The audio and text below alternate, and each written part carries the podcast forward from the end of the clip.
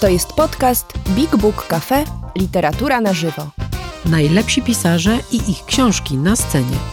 Ważne premiery, wyjątkowi goście, zaskakujące tematy. Rozmowy, spektakle i słuchowiska. Prosto z literackiego pępka świata. Posłuchaj i sprawdź, co mamy w repertuarze. Wejdź na bigbookcafe.pl lub odwiedź nas osobiście. Do zobaczenia i usłyszenia. Dobry wieczór. Dobry wieczór. O, jest i lemoniada dla autorki, bo autorka będzie dzisiaj dużo mówić, to musi przepijać. Dobry wieczór Państwu. Bardzo jest nam miło, że Państwo e, przyszli tutaj do nas, do Big Book Cafe MDM, e, do Śródmieścia Warszawy Upalnej wciąż. Trwa piękne lato. E, Dobry wieczór też wszystkim Państwu, którzy nas oglądają teraz i w przyszłości, a może słuchają w formie e, podcastu.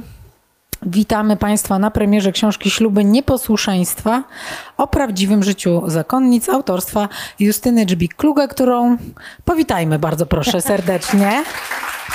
Dzień dobry. Justyna mm, bywa u nas y, często, ale nie tak często w tej roli, w której jest dzisiaj. To lepiej, że nie tak często w tej roli, w której jestem dzisiaj. Mianowicie Justyna jest dzisiaj w roli autorki, a ja mam przyjemność zadawać pytania, e, choć Justyna w tej książce też zadaje dużo, dużo pytań. Chciałam powiedzieć, że ubrane jesteśmy nieprzypadkowo, trochę w związku z okazją. Paulina reprezentuje zakon dominikanów, ja reprezentuję zakon, Tak. Które tam, benedyktynki, no może być. No. Może być benedyktynki. biały element powinien być. Ja nie bardzo wiadomo, czy ja tak bardziej sufi, czy dominikanka, prawda? Ja tak postanowiłam się międzyreligijnie ustanowić, e, ale będzie czarno na białym dzisiaj o, o życiu zakonnic e, w Polsce. Mm, Justyna, ja bym może chciała, żebyś y, była tak dobra i swoim pięknym radiowym głosem przeczytała nam bardzo krótki fragment swojej rozmowy. Jednej z rozmów to jest y, książka, w której y, zebrałaś rozmowy z siostrami zakonnymi różnych zakonów. Jest też jeden dobrze poinformowany ksiądz i jedna czuła psychoterapeutka w tej opowieści. A tutaj krótki fragment rozdziału Tu masz miłość za darmochę. Siostra Anna Bauchan w takim razie. E, Dobry wieczór Państwu. Ja też e, korzystając z tego, że już jestem przy głosie, to powiem, że dziękuję, że jesteście. E, Również e, online. Tu szczególnie pozdrawiam moją mamę, która na pewno ogląda. Pozdrawiamy mamę. To jest bardzo miłe. E, Dobrze. Tutaj jest taka strzałka. Ja od tej Tak, strzałki. po prostu tak. Po prostu czytaj, dobrze. Życie zakonne jest pełne wyrzeczeń. Siostra też pewnie nie na wszystkie była przygotowana, mimo kilkuletniej formacji. To moje pytanie. Ty masz męża i dzieci? Pyta siostra. Tak, mam. Odpowiadam ja. No i spodziewałaś się, jak to twoje życie będzie wyglądać? Mówi siostra, Anna Bauchan. Byłaś na to wszystko przygotowana? Ja mówię, no raczej nie. Wszystkiego nie da się przewidzieć. I siostra Anna Bauchan mówi, no właśnie. Nie wszystkie moje życiowe kawałki są takie, że mogę się nimi chwalić. Czasem nie jest okej. Wybacz, Jezu, że kiedy ludzie na mnie patrzą, to nie wszystko, co widzą, jest super. Jestem człowiekiem, ale praca nad sobą, wychodzenie, ciągłe stawanie się to jest genialna sprawa. To jest mój sens. Dziękuję bardzo. Y, To y, pierwsza mała próbka książki Śluby Nieposłuszeństwa, która ukazała się nakładem wydawnictwa Znak. Ym, Chciałabym tę naszą rozmowę dzisiejszą podzielić na takie części. I ta pierwsza część jest o tym, jak rozmawiać z zakonnicą. Po, po polsku, jeśli jest w Polsce i zna polski, to tak. To już, to już coś. E, Bo ty rozmawiałaś z różnymi już, można powiedzieć, grupami zawodowymi. W ogóle z bardzo wieloma ludźmi już rozmawiałaś w życiu zawodowo. To jest taki przykład, ten krótki fragment takiego dialogu, dość partnerskiego, który udało ci się uzyskać y, z tą zakonnicą, ale nie tylko, y, nie tylko z nimi. Czy kluczem do tego było to, jak ty sobie je wyobrażałaś? Do kogo ty szłaś? Co myślałaś o zakonnicach, kiedy, kiedy zabierałaś się za tę książkę? Najpierw myślałam, że ja w ogóle nie zrobię tej książki. I to mówię trochę z ukłonem do ostatniego rzędu, w którym e, ukryły się dziewczyny z wydawnictwa Znak. I wielkie dzięki, że wpadłyście do nas z Krakowa na to spotkanie. Bo ta książka jest takim, można powiedzieć, czystym zleceniem dziennikarskim. To znaczy do mnie się zgłosiły dziewczyny z wydawnictwa Znak.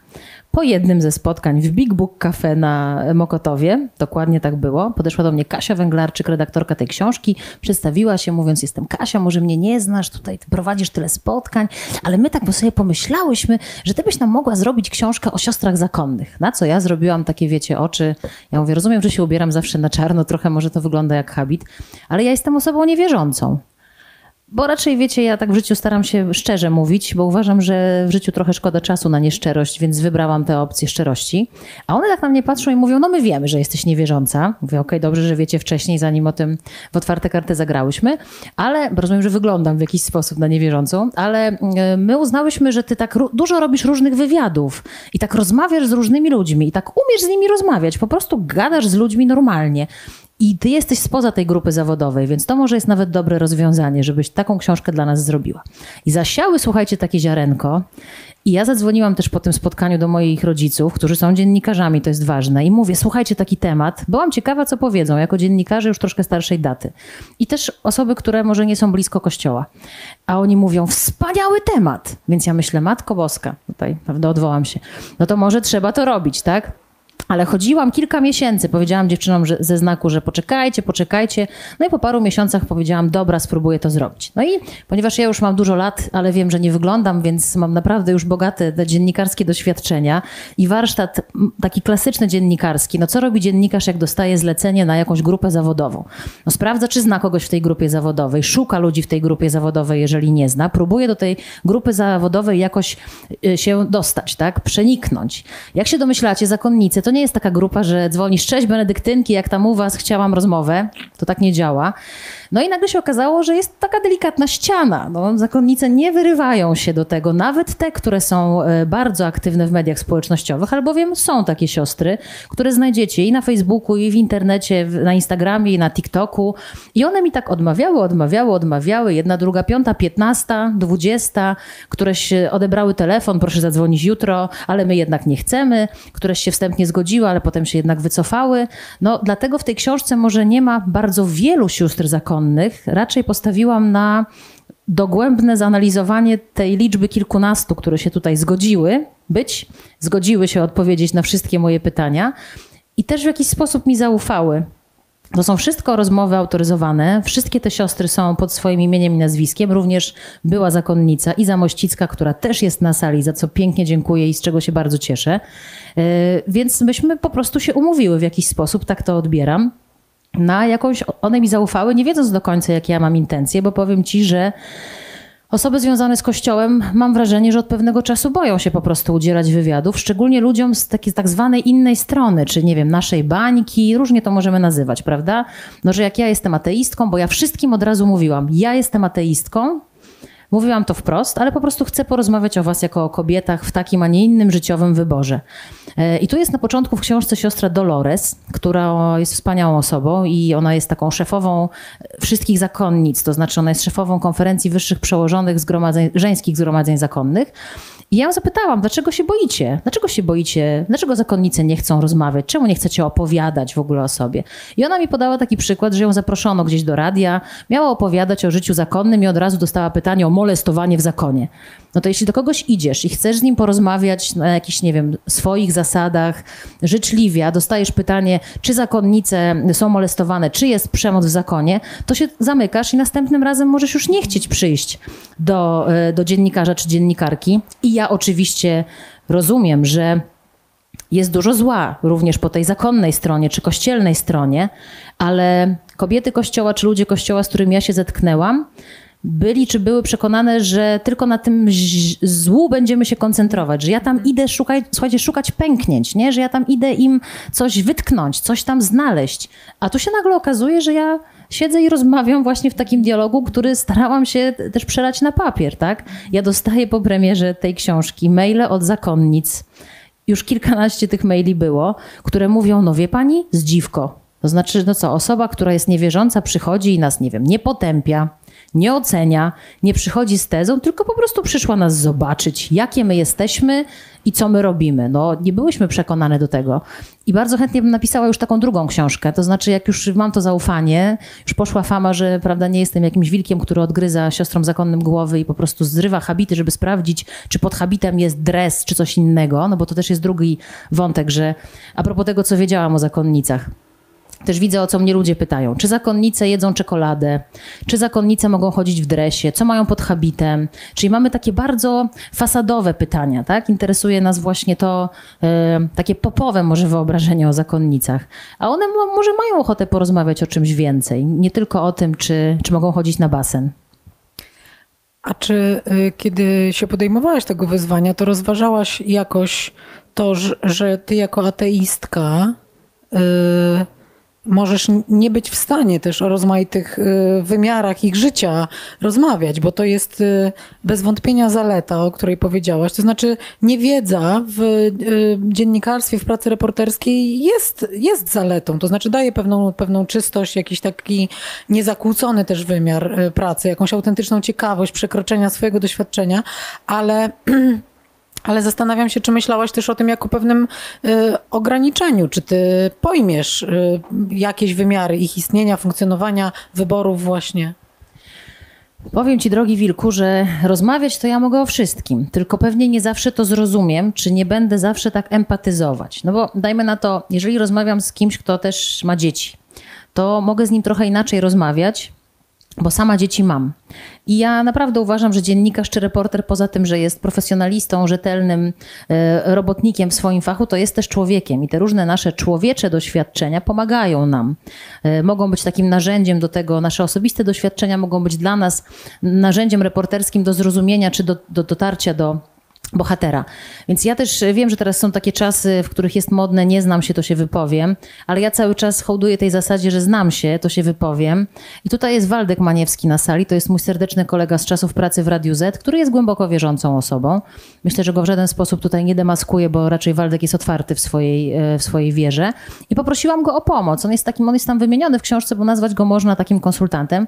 I myśmy się spotykali, ja mówiłam, słuchaj, a jak ja powiem do matki przełożonej, siostro, to mam mówić matko, mam mówić siostro, jak ich nie obrazić, tak? To znaczy zdobyłam trochę takiej, takiej wiedzy miękkiej, kompetencji miękkich, żeby jak wejść w świat zakonnic, twoje pierwsze pytanie, żeby żeby wejść tam z szacunkiem, żeby je do siebie właśnie przekonać, nie zrazić. No poza tym, że Waldek pomagał mi namierzać siostry, które potencjalnie będą chciały się otworzyć i po prostu podrzucał mi różne kontakty. Waldek też, co bardzo było istotne, przejrzał Pismo Święte pod kątem tych cytatów, które znajdziecie w książce, bo tutaj jest sporo cytatów o posłuszeństwie, bo w ogóle to posłuszeństwo, które jest tematem głównym, było dla mnie ciekawe z punktu widzenia religii, bo posłuszeństwo jest y, nie tylko dla zakonnic, tematem y, ważnym, tylko w ogóle dla osób wierzących, posłuszeństwo Bogu. W ogóle też dla kobiet to jest ważny temat.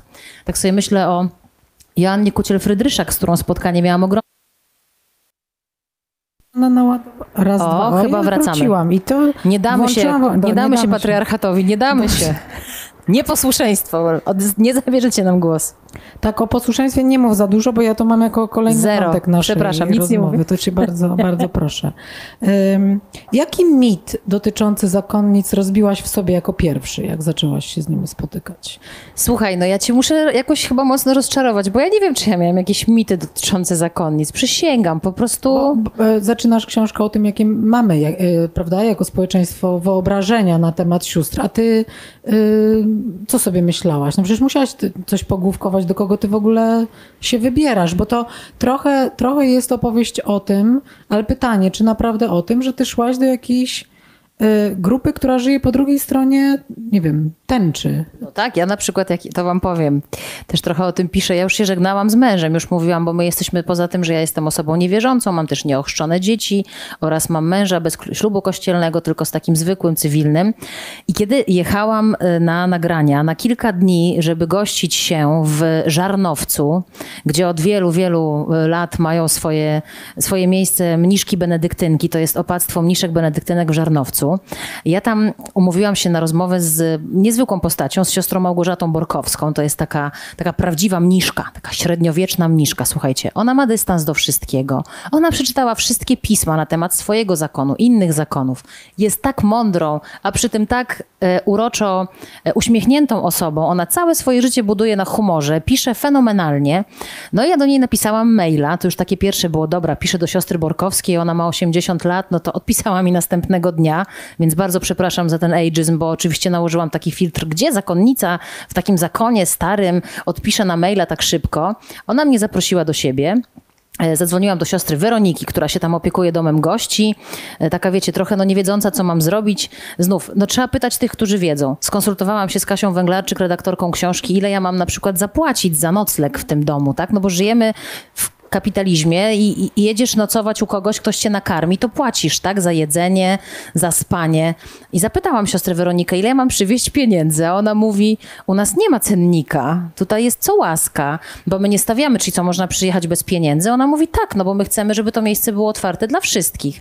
Ja się przygotowałam, schowałam jakieś pieniądze do koperty i jak przyjechałam, ona mi Jedyne co było, to musiałam sobie pościel sama powlec, co absolutnie rozumiem, bo tam są starsze siostry i powleczenie pościeli to jest trudna czynność, więc ja sobie sama powlekłam tę pościel. Dostałam piękny pokój, pokój imienia świętego Benedykta, co też jest znamienne, bo to benedyktynki dostałam najlepszy pokój. Miałam też swoją łazienkę, a sobie wyobrażałam, że nie wiem, będzie jak na koloniach trochę, tak? No bo na pewno siostry są biedne.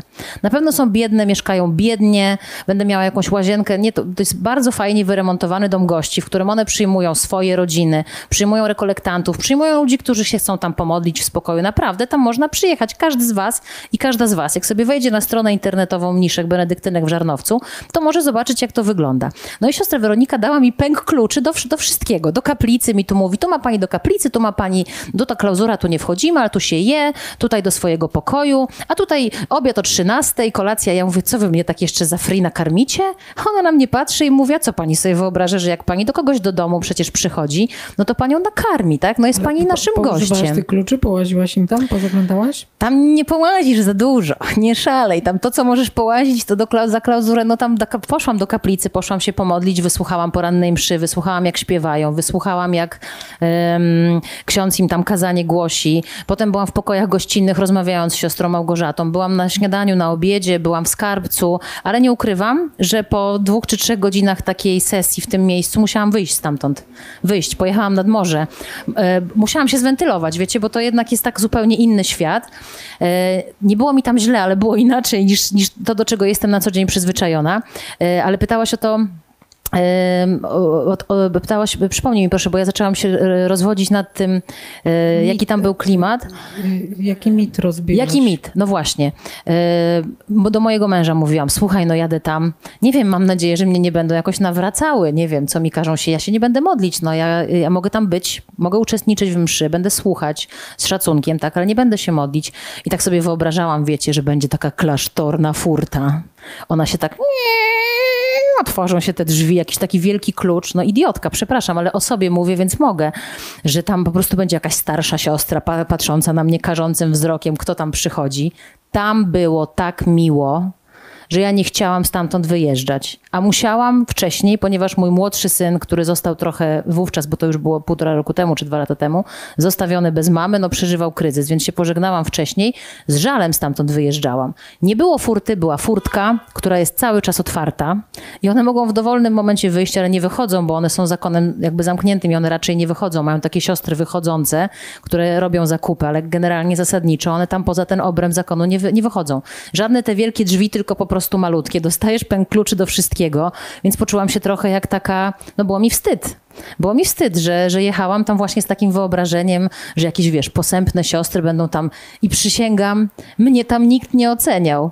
Jedno takie zabawne już potem ja później znowu pojechałam do siostry Małgorzaty, e, zupełnie inaczej się rozmawiało, ona mi po, już czytała książkę, tutaj słyszałam, że jakiś nielegalny PDF gdzieś krąży po zakonach, to, to też jest interesujące, jaki jest drugi obiekt tej książki w zakonach, ale siostra Małgorzata już po premierze powiedziała, wie pani co, ja się cieszę, że ja wzięłam udział w tej zabawie. Ja więc usłyszeć coś takiego od osoby, która na początek ci mówi, ja pamiętam jak z nią siedzą, a ta, ta starsza siostra z taką laseczką patrzy na mnie i mówi do mnie tak, a pani to tak na czarno się specjalnie do nas ubrała? Bo pani chyba już, to ta sukienka chyba druga, już drugi dzień się widzimy, kolejna sukienka, to pani tak specjalnie, że do zakonnic, to pani musi być tak na czarno. Ja mówię, nie, proszę siostra, ja się tak zawsze ubieram. I do zakład, że mi nie uwierzyła. Że jednak uznała, że pancia z Warszawy przyjechała do zakonnic, więc postanowiła się stylizacyjnie też, wiesz, wtopić w ten, w ten tłum. No ale ja naprawdę się tak ubieram. No. A ty się tak ubierasz dlaczego? To jest jakiś... To jest nie jakiś... chciałam iść do zakonu. To ty chciałaś nie, iść do zakonu. Ja, chcia, ja, bo ja naprawdę chciałam iść do zakonu. Bardzo mnie fascynowało w młodości wczesnej tak, taka ścieżka życiowa. Chyba mi siostry imponowały, bo ja akurat ja się wychowałam w rodzinie katolickiej, jakby przeszłam całą socjalizację religijną. Siostry zakonne były bardzo pozytywnymi postaciami mojego wczesnego życia. Wiesz, chodziłam na religię, bardzo kochałam siostrę Beatę, która tuż przed komunią nas opuściła, tłumacząc nam, że jedzie na misję na Filipiny i będzie tam się zajmowała bardzo biednymi dziećmi i, i które żyją na wysypiskach śmieci i, i, zbierają te śmieci za miseczkę ryżu dziennie. Ja lata później jeżdżąc po świecie się przekonałam, że ten świat, o którym siostra Beata opowiadała, istnieje. Mam bardzo dużo wspomnień z, z siostrami z dzieciństwa i one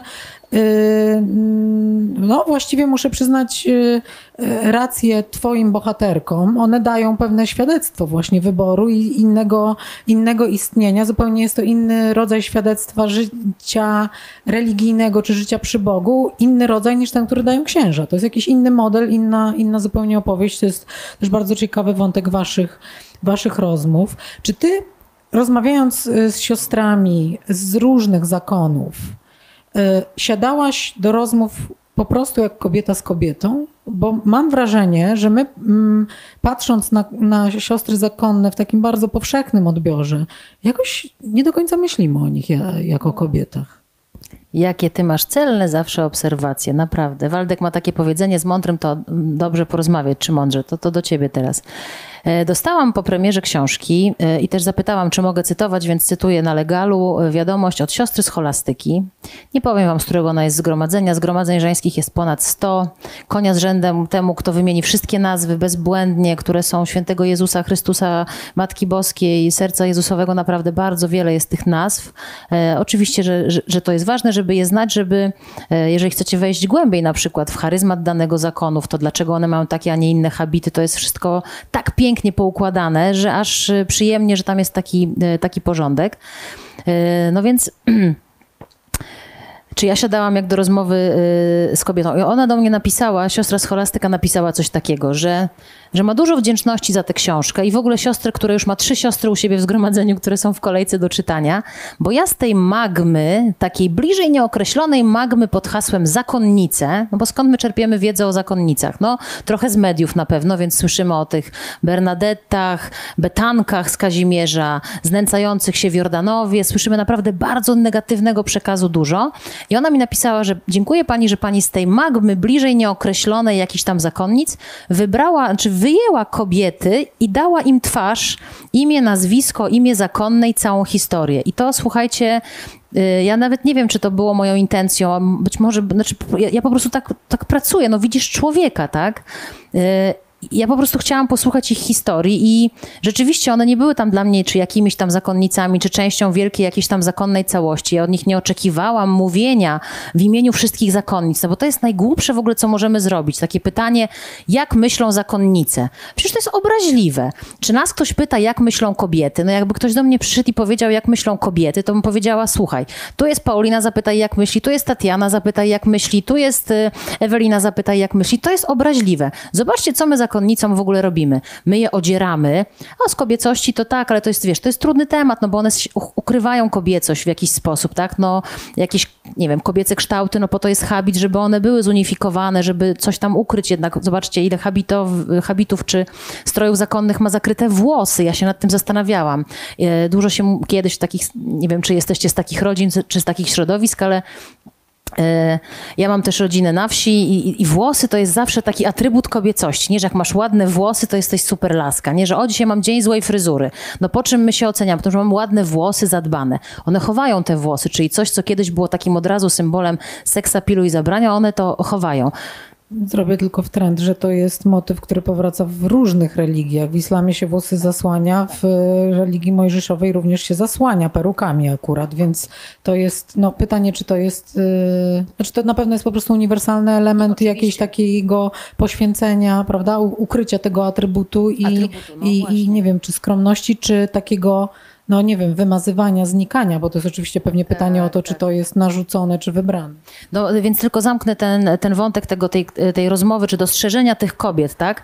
Więc my, ja nawet sobie myślałam, użyję tego Gombrowiczowskiego, że my trochę zakonnice upupiamy. To znaczy, ym, a propos tych wyobrażeń, tak? Że właśnie po pierwsze traktujemy je, że jest jakaś grupa zakonnic i one wszystkie coś, a tu się nagle dowiadujesz, że jest 100 zgromadzeń, że każdy ma inny cel, założenie, innych patronów, innych świętych, którzy im inny, inaczej mieszkają, inaczej się modlą, inne mają dzieła. To naprawdę nie ma jednej grupy zakonnice.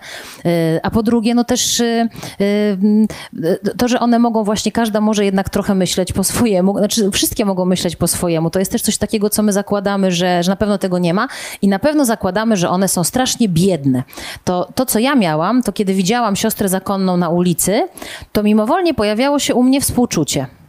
Wiecie, że ona jest na pewno tam, usługuje tym okropnym księżom, nie wiem, klechom, na pewno jest zakrystianką, może jest tam takie współczucie, może biedna kobieta, nie? A teraz już tak nie pomyślę. Bo oczywiście jak mijasz na ulicy zakonnicę, to nie wiesz, jaka tam jest historia. Ale jak mijasz każdego człowieka, to nie wiesz, jaka tam jest historia. Więc w imię czego traktujemy zakonnicę inaczej niż ludzi na Boga? No to po prostu, to jest coś takiego, co do mnie dociera i co niezwykle pozwala mi zrozumieć rozmowa wokół tej książki.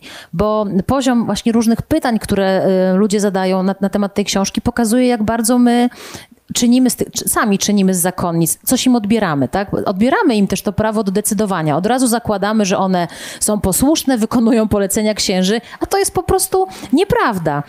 I siostry właśnie mówiły, że dla- niek- dla nas, może po tej drugiej stronie nazwijmy, tak, tych osób, które są jakoś czy antykościelne, czy niewierzące, to na pewno po prostu wszystkie zakonnice są ofiarami. Owszem, są zakonnice, które są ofiarami. Tak, jest przemoc w zakonach. Tak, jest, są okropne przełożone. Tak, są zakonnice, które odchodzą po cichu, jak pisała Marta Abramowicz, albo po głośnu. Jak zobaczycie e, historię Izy Mościckiej, która tu jest dzisiaj z nami, założyła Centrum Pomocy Siostrom Zakonnym. To też się dzieje, ale to nie jest jedyna narracja o zakonach i mnie interesowała właśnie ta narracja to ten filtr, o którym mówiłam na początku. Ja mam za rok czterdziestkę, dla mnie to jest ważne. Niektórzy mówią, o, wam przestań, a dla mnie to jest ważne. Dla mnie to jest jakiś etap w życiu, coś tam mi się zadziało. Mam dwoje dzieci, mam męża po bardzo różnych życiowych e, przejściach, naprawdę. E, I ja mam różne rozkminy, po prostu ludzkie i kobiece, o moich wyborach. Więc fenomenalne było usiąść obok kobiety, która ma tak inaczej niż ja, a tak tak ma to przemyślane, potrafi o tym opowiedzieć, to jest po prostu fascynujące.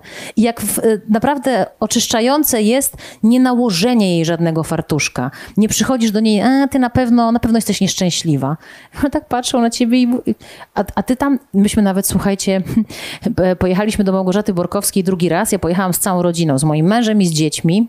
To było wspaniałe, bo tam wiecie, moje dzieci są nieochrzczone, nie chodzą do kościoła, więc miejsce, gdzie są same siostry zakonne, mój młodszy syn zapytał, to są twoje koleżanki z pracy? Ja mówię, no trochę tak, Marianku, no te znajome moje, tak? I potem pytam mojego męża, mówię, słuchaj, jak ci się tam podobało? No fenomenalnie się rozmawiał, ta Małgorzata, Borg... wspaniałe, ale widziałeś jakieś pęknięcie, nie wiem, widzia... może ja tam czegoś nie zauważyłam, nie wiem, że tam jakieś coś ukryte, nie wiem, za, za jakąś kotarą, albo jakaś siostra tam do drugiej coś szło. No bo zobaczcie, nie wiem, jak są jakieś filmy takie, to te siostry stoją tam z boku i tam na pewno stoją jakieś dwie siostry i tam przyszła ta niewierząca, nie? No rety, nikt, czemu nikt tak nie robił? No może ja byłam w jakichś wybranych zakonach, bo, nie byłam tylko u benedyktynek, byłam też w nowej wspólnocie w Żarkach Letnisku. Też fajne dziewczyny. I też mnie tam nakarmiły. I u siostry Bauchan też dostałam pyszny sernik. No naprawdę jakby... Karmiły. Karmiły, karmiły. No, no gościnność, gościnność. Myśl, no. Myślę, że ty też trochę mówisz o takim zderzeniu y, perspektywy indywidualnej ze zbiorową, bo jednak bycie w zakonie to jest do pewnego stopnia, o czym mam nadzieję, że zaraz pomówimy, no właśnie zgoda na roztopienie własnej indywidualności w jakiejś szerszej e, posłudze, y, a, my, y, a my żyjemy w świecie, który bardzo hołduje indywidualizmowi, który nawet można by chyba podejrzewać o to, że stał się świecką religią XX-XXI wieku, więc to jest też na pewno to, to zderzenie perspektyw, które świetnie wybrzmiewa w, we wszystkich Twoich rozmowach. E, ja chciałabym też oczywiście powiedzieć Paniom, Panom, którzy tutaj są, żeby, żebyście też śmiało zadawali pytania. E, są koleżanki, które podadzą mikrofon, tak żebyśmy się wszyscy słyszeli, więc jeśli w trakcie naszej rozmowy Was nachodzi chęć, żeby coś dorzucić od siebie albo zadać pytanie, to, to śmiało ręka do góry i, i się włączymy. A Państwa, którzy nas oglądają, zapraszam do wpisywania pytań w komentarzach i one tutaj do nas trafią. Justyna na pewno chętnie odpowie. E, a a propos pytania i niepytania, chciałam Cię zapytać e, o to, czy mm, były takie rzeczy, o których siostry mówić nie chciały i Ty to wiedziałaś i czułaś, albo było to wręcz warunkiem Waszej rozmowy, albo czy były takie rzeczy, o których Ty wiedziałaś, że nie chcesz rozmawiać, że to są pytania, których Ty nie będziesz stawiać? Tak, dokładnie były takie rzeczy, o których ja wiedziałam, że nie chcę rozmawiać.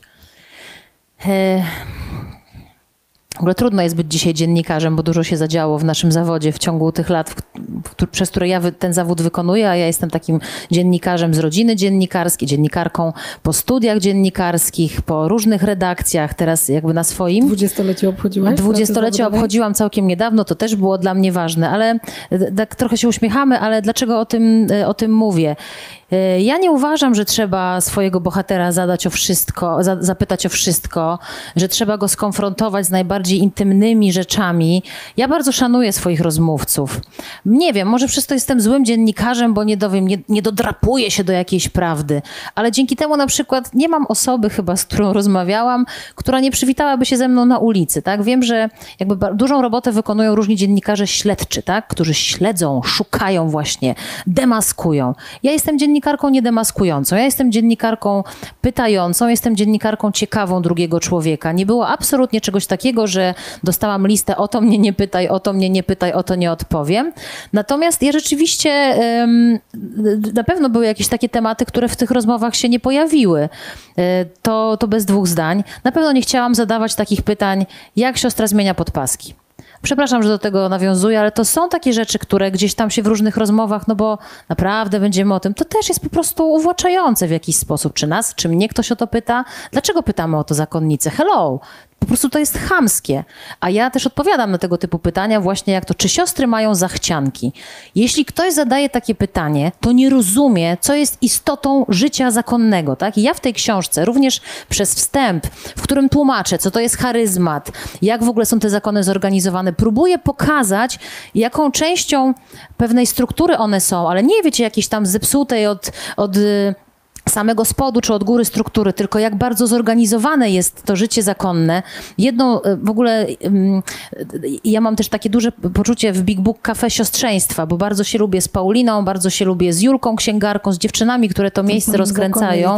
Wszyscy, jestem tak, to jest taki zakon literacki i ogromne siostrzeństwo to jest dla mnie taka recenzyjka, blerb, który na, zgodziła się napisać profesor Karolina Wigura.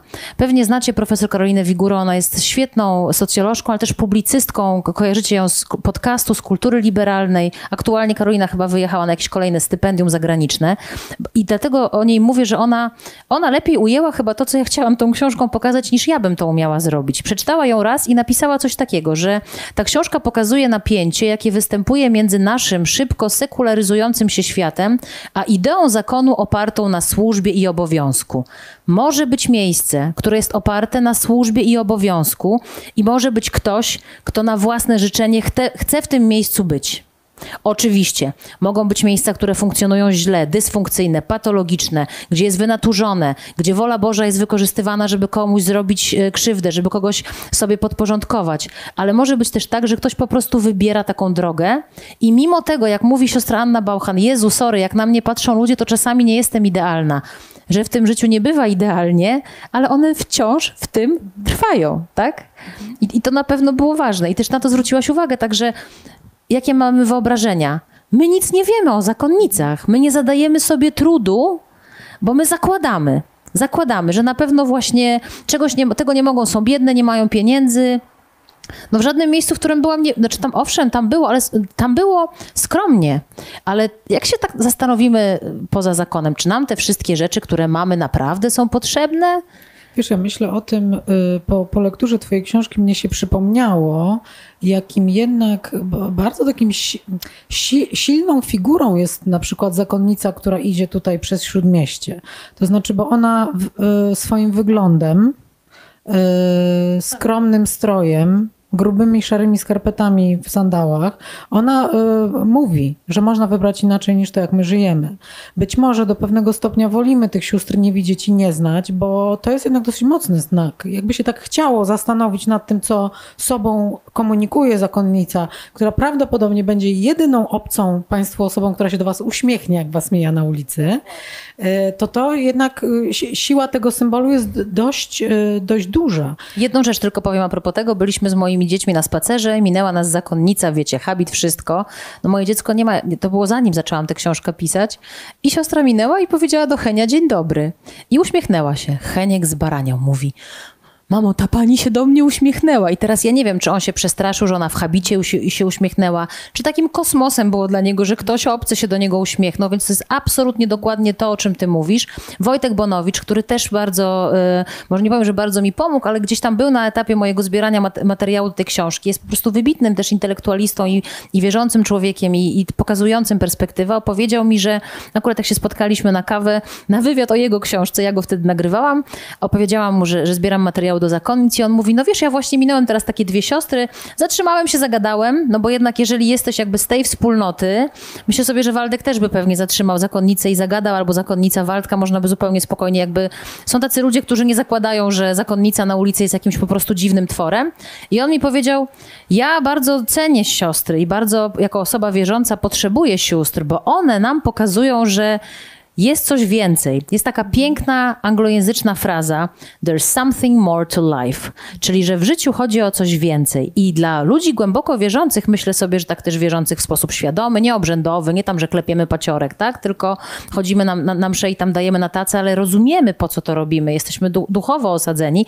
To zakonnice są takimi prawdziwymi łączniczkami. Przecież wiesz, one się modlą w intencjach. One się, one się, ich istotą ich życia w większości zakonów jest modlitwa, rytm rytm dnia układa modlitwa. I one się nie modlą tylko, Panie Boże, daj mi, żebym sobie w tym życiu zakonnym fajnie żyła. One się modlą w intencjach, one się modlą za pokój, za wojnę w Ukrainie, żeby jej nie było, za ludzi, za ludzi chorych. One naprawdę zanoszą do tego Boga, zakładając, że On istnieje, to one są naszymi tam rzeczniczkami, te dziewczyny, no. Odrobiny wdzięczności. Czy przyszło ci do głowy, żeby porozmawiać z nimi o Bogu, o wierze? Bo to nie są wątki, które poruszałyście. Y, rozumiem, że to, to była jakaś część Twojej strategii wyboru, ale czy Cię nie kusiło, żeby y, skorzystać z tej okazji, no nie przekroczyć swoje doświadczenie życiowe, zapytać y, je, a ten Bóg to kto? To jest super pytanie, super. Tylko ja zastosowałam, znaczy, bo pierwotnie ta książka miała tytuł Życie zakonnic w Polsce. Ja mam taką umowę na książkę. prawdziwe życie zakonu. Ale że tam życie, zakony, zakony żeńskie w Polsce. No, ja powiedziałam dosyć szybko już, kiedy zaczęłam zbierać ten materiał, poszłam jak ten pies tropiący, prawda, na poszukiwanie swoich bohaterek. Bardzo grzecznie powiedziałam koleżankom że, ze znaku, że ja przepraszam, ale ja wam takiej książki nie dowiozę. Bo książka pod tytułem Życie zakonnic w Polsce to tak z 5 do 17 lat życia, żeby objechać wszystkie zakony, rzeczywiście spróbować się do wszystkich zakonów e, dostać. Wyobraźmy sobie, no, że to jest taki wielki tort, taki ogół, ogromny, to jest bardzo ogólny temat. Ja generalnie w dziennikarstwie wierzę w szczegół, to znaczy od szczegółu do ogółu, czyli staram się wybierać jakiś wątek, dlatego wybrałam ten wątek posłuszeństwa czy nieposłuszeństwa, wykroiłam sobie fragmencik e, z tego, z tego tortu, ale też świadomie, dlatego że miałam takie poczucie, bo dokumentując jakby materiał do, do tej książki, też sprawdziłam, jakie są książki w Polsce o zakonnicach. No więc jest ikoniczna e, pozycja Marty Abramowicz, wznawiana, poszerzana przez krytykę polityczną zakonnice odchodzą po cichu, gdzie jest ta ciemna strona, tak? Odejście zakonnic, jak, gdzie, dlaczego, przemoc i, różne takie historie raczej niezbyt pozytywne. A na drugą nóżkę, jakby z drugiej strony, druga strona medalu, to są takie książki, którą, które trochę reprezentuje książka Małgorzaty Terlikowskiej, która ma tytuł Bogu dzięki jestem zakonnicą. I tam nawet na okładce widzicie takie uśmiechnięte siostry, które są na tle kwiatów w tym swoim ogródku. I to jest ten taki właśnie, i to są głównie książki też o powołaniu, i tam jest dużo o Bogu, ja nie zrozumiem, czym jest powołanie. Ja mogę sobie o nim porozmawiać, tak wiecie, mogę zadać milion pytań, natomiast na pewno tego nie poczuję, bo czegoś takiego nie przeżyłam, tak? Ale mnie no, nie interesowało po prostu rozmawianie o tym, bo też miałam poczucie, że, że są takie dwa tory. A ja próbowałam napisać książkę środka, tak? Czyli wziąć tę zakonnicę zarówno jako zakonnicę, bo rozmawiamy o ich posłudze, o ich dziełach, o ich codzienności, ale też spojrzeć jako na człowieka, który wybiera, który wątpi, który się nie zgadza, a nie może się tak do końca nie zgadzać, no to jak sobie z tym radzi? To był mój wybór. A to posłuszeństwo, które znalazło się w centrum Twojego badania w rozmowach, wybrałaś dlatego, że ono właśnie, jak napisała Wigura, jest właśnie dokładnie tą linią, na, właśnie dokładnie tą linią, na, właśnie dokładnie tą linią, na, właśnie dokładnie tą linią, na, właśnie dokładnie tą linią, na, wiedziałaś, dowiedziałaś się w tych rozmowach, że posłuszeństwo de facto jest istotą codziennego ich funkcjonowania. Dlatego, że siostry mi same powiedziały, zaczęło się to gdzieś tak pojawiać, takie zdanie, że śluby nieposłuszeństwa są dla sióstr zakonnych najtrudniejsze do utrzymania. No jak słyszysz coś takiego, myślisz, aha, a, aha, przepraszam, widzicie, ups, dzięki, dzięki, Zygmunt, za późno Zygmunt. już. Zygmunt, tak, tutaj pozdrawiamy Freuda. Miło wszystkiego też, że posłuszeństwo, e, bo kiedy wchodzisz do zakonu, oczywiście masz 7 do 9 lat formacji, no ale finalnie gdzieś tam składasz te trzy podstawowe śluby, śluby czystości, ubóstwa i posłuszeństwa, które z czegoś wynikają, o coś w nich chodzi, po coś się tego wyrzekasz, masz się poddać temu doświadczeniu, po to, żeby właśnie no, być takim, a nie innym człowiekiem, tak? To jest wszystko po coś, przynajmniej takie jest założenie. I gdzieś, nawet siostra Borkowska mi to powiedziała, mówiła mi o tym moja znajoma, która pracuje w więzi, że też to słyszała w rozmowach z zakonnicami. Wspominała o tym siostra Dolores też w tym wywiadzie. I siostra Borkowska mówi, wie pani, tak dużo, dużo upraszczając, skracając, ja się do tego przyczepiłam bardzo i, i, i zbudowałam na tym całą opowieść, ale ona powiedziała, no, że jak z zakonnikami się rozmawia, z mężczyznami, to oni mają większy problem ze ślubami czystości. I jak się robi różne spotkania dla zakonników, jakieś kursy, szkolenia, bo to też się przecież dzieją i też się doskonalą i też jak wątpią, to muszą mieć z kim porozmawiać. Tutaj, tutaj kłopotem jest ta czystość, tak? E, natomiast u kobiet to jest to posłuszeństwo, więc wiecie, ja od razu myślę, dlaczego dziewczyny są nieposłuszne? Dlaczego kobiety mają problem z posłuszeństwem? Co to jest za posłuszeństwo? Komu one mają być posłuszne? A nie wiem, pewnie patriarchat, tak? A to, to zupełnie tak nie wygląda, więc jak zakonnice jakby same mi położyły na tacy takie zdanie, że kobietom w zakonie najtrudniej jest ze ślubami posłuszeństwa, to pomyślałam, ciekawe dlaczego. Mhm. Chciałabym Cię poprosić o przeczytanie fragmentu e, rozmowy z księdzem Stanisławem od strzałki do tego, do tego, o, do cyngielka, dobra? To taki jeden z wielu bardzo głosów, bardzo wielu fragmentów poświęconych właśnie temu napięciu między wolnością a podporządkowaniem się. Oburzył Cię ksiądz Stanisław trochę? Nie. Niektórzy się strasznie oburzają. E, wróćmy jeszcze na chwilę do istotnej roli, jaką odgrywa formacja. Dobra, to jest moje pytanie. Wróćmy jeszcze na chwilę do istotnej roli, jaką odgrywa formacja. I książ, ksiądz Stanisław odpowiada. Sprawa jest prosta. Formacja jest po to, żeby wychowywać do myślenia. Nie wiedziałam, że jest ksiądz takim idealistą, mówię ja. A ksiądz mówi, w pewnym klasztorze widziałem taką sytuację. Siostra podlewała ogródek.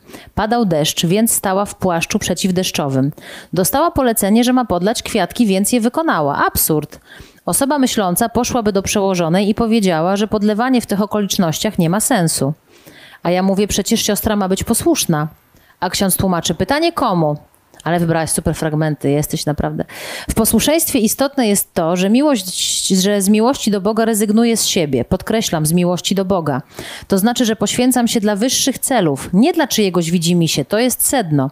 W jednym z dom, mm, że znanych mi klasztorów wprowadzono kiedyś wielkie oszczędzanie. Moim zdaniem przesadne. Ukruszone spodeczki, wszystko wielorazowego użytku, nie rozumiałem w imię czego. Siostry się na to godziły. Pytanie, gdzie jest granica? Mogę się spiąć, żyć w gorszym warunkach, jeśli jest taka potrzeba. Tylko warto chyba zapytać, gdzie jest granica gorszych warunków, ile mogę znieść i przede wszystkim po co. Y, tutaj ksiądz Stanisław dotyka no, takiej granicy, po której ty chodzisz z rozmówczyniami y, wielokrotnie. I chciałam, chciałam cię zapytać, z czym ty zostałaś po tych rozmowach? Masz, masz rozmaite tutaj rozmówczynie, teraz otwieramy taki y, no, du, duży rozdział tematyczny tych waszych rozmów o tym, czy siostry w istocie są wolnymi osobami i mają nimi być. I taki jest też cel bycia w tej posłudze, że ona się opiera na miłości do Boga, y, o, o której one, y, wiele z nich tobie mówi jako głównym powodzie wszelkich swoich wyrzeczeń.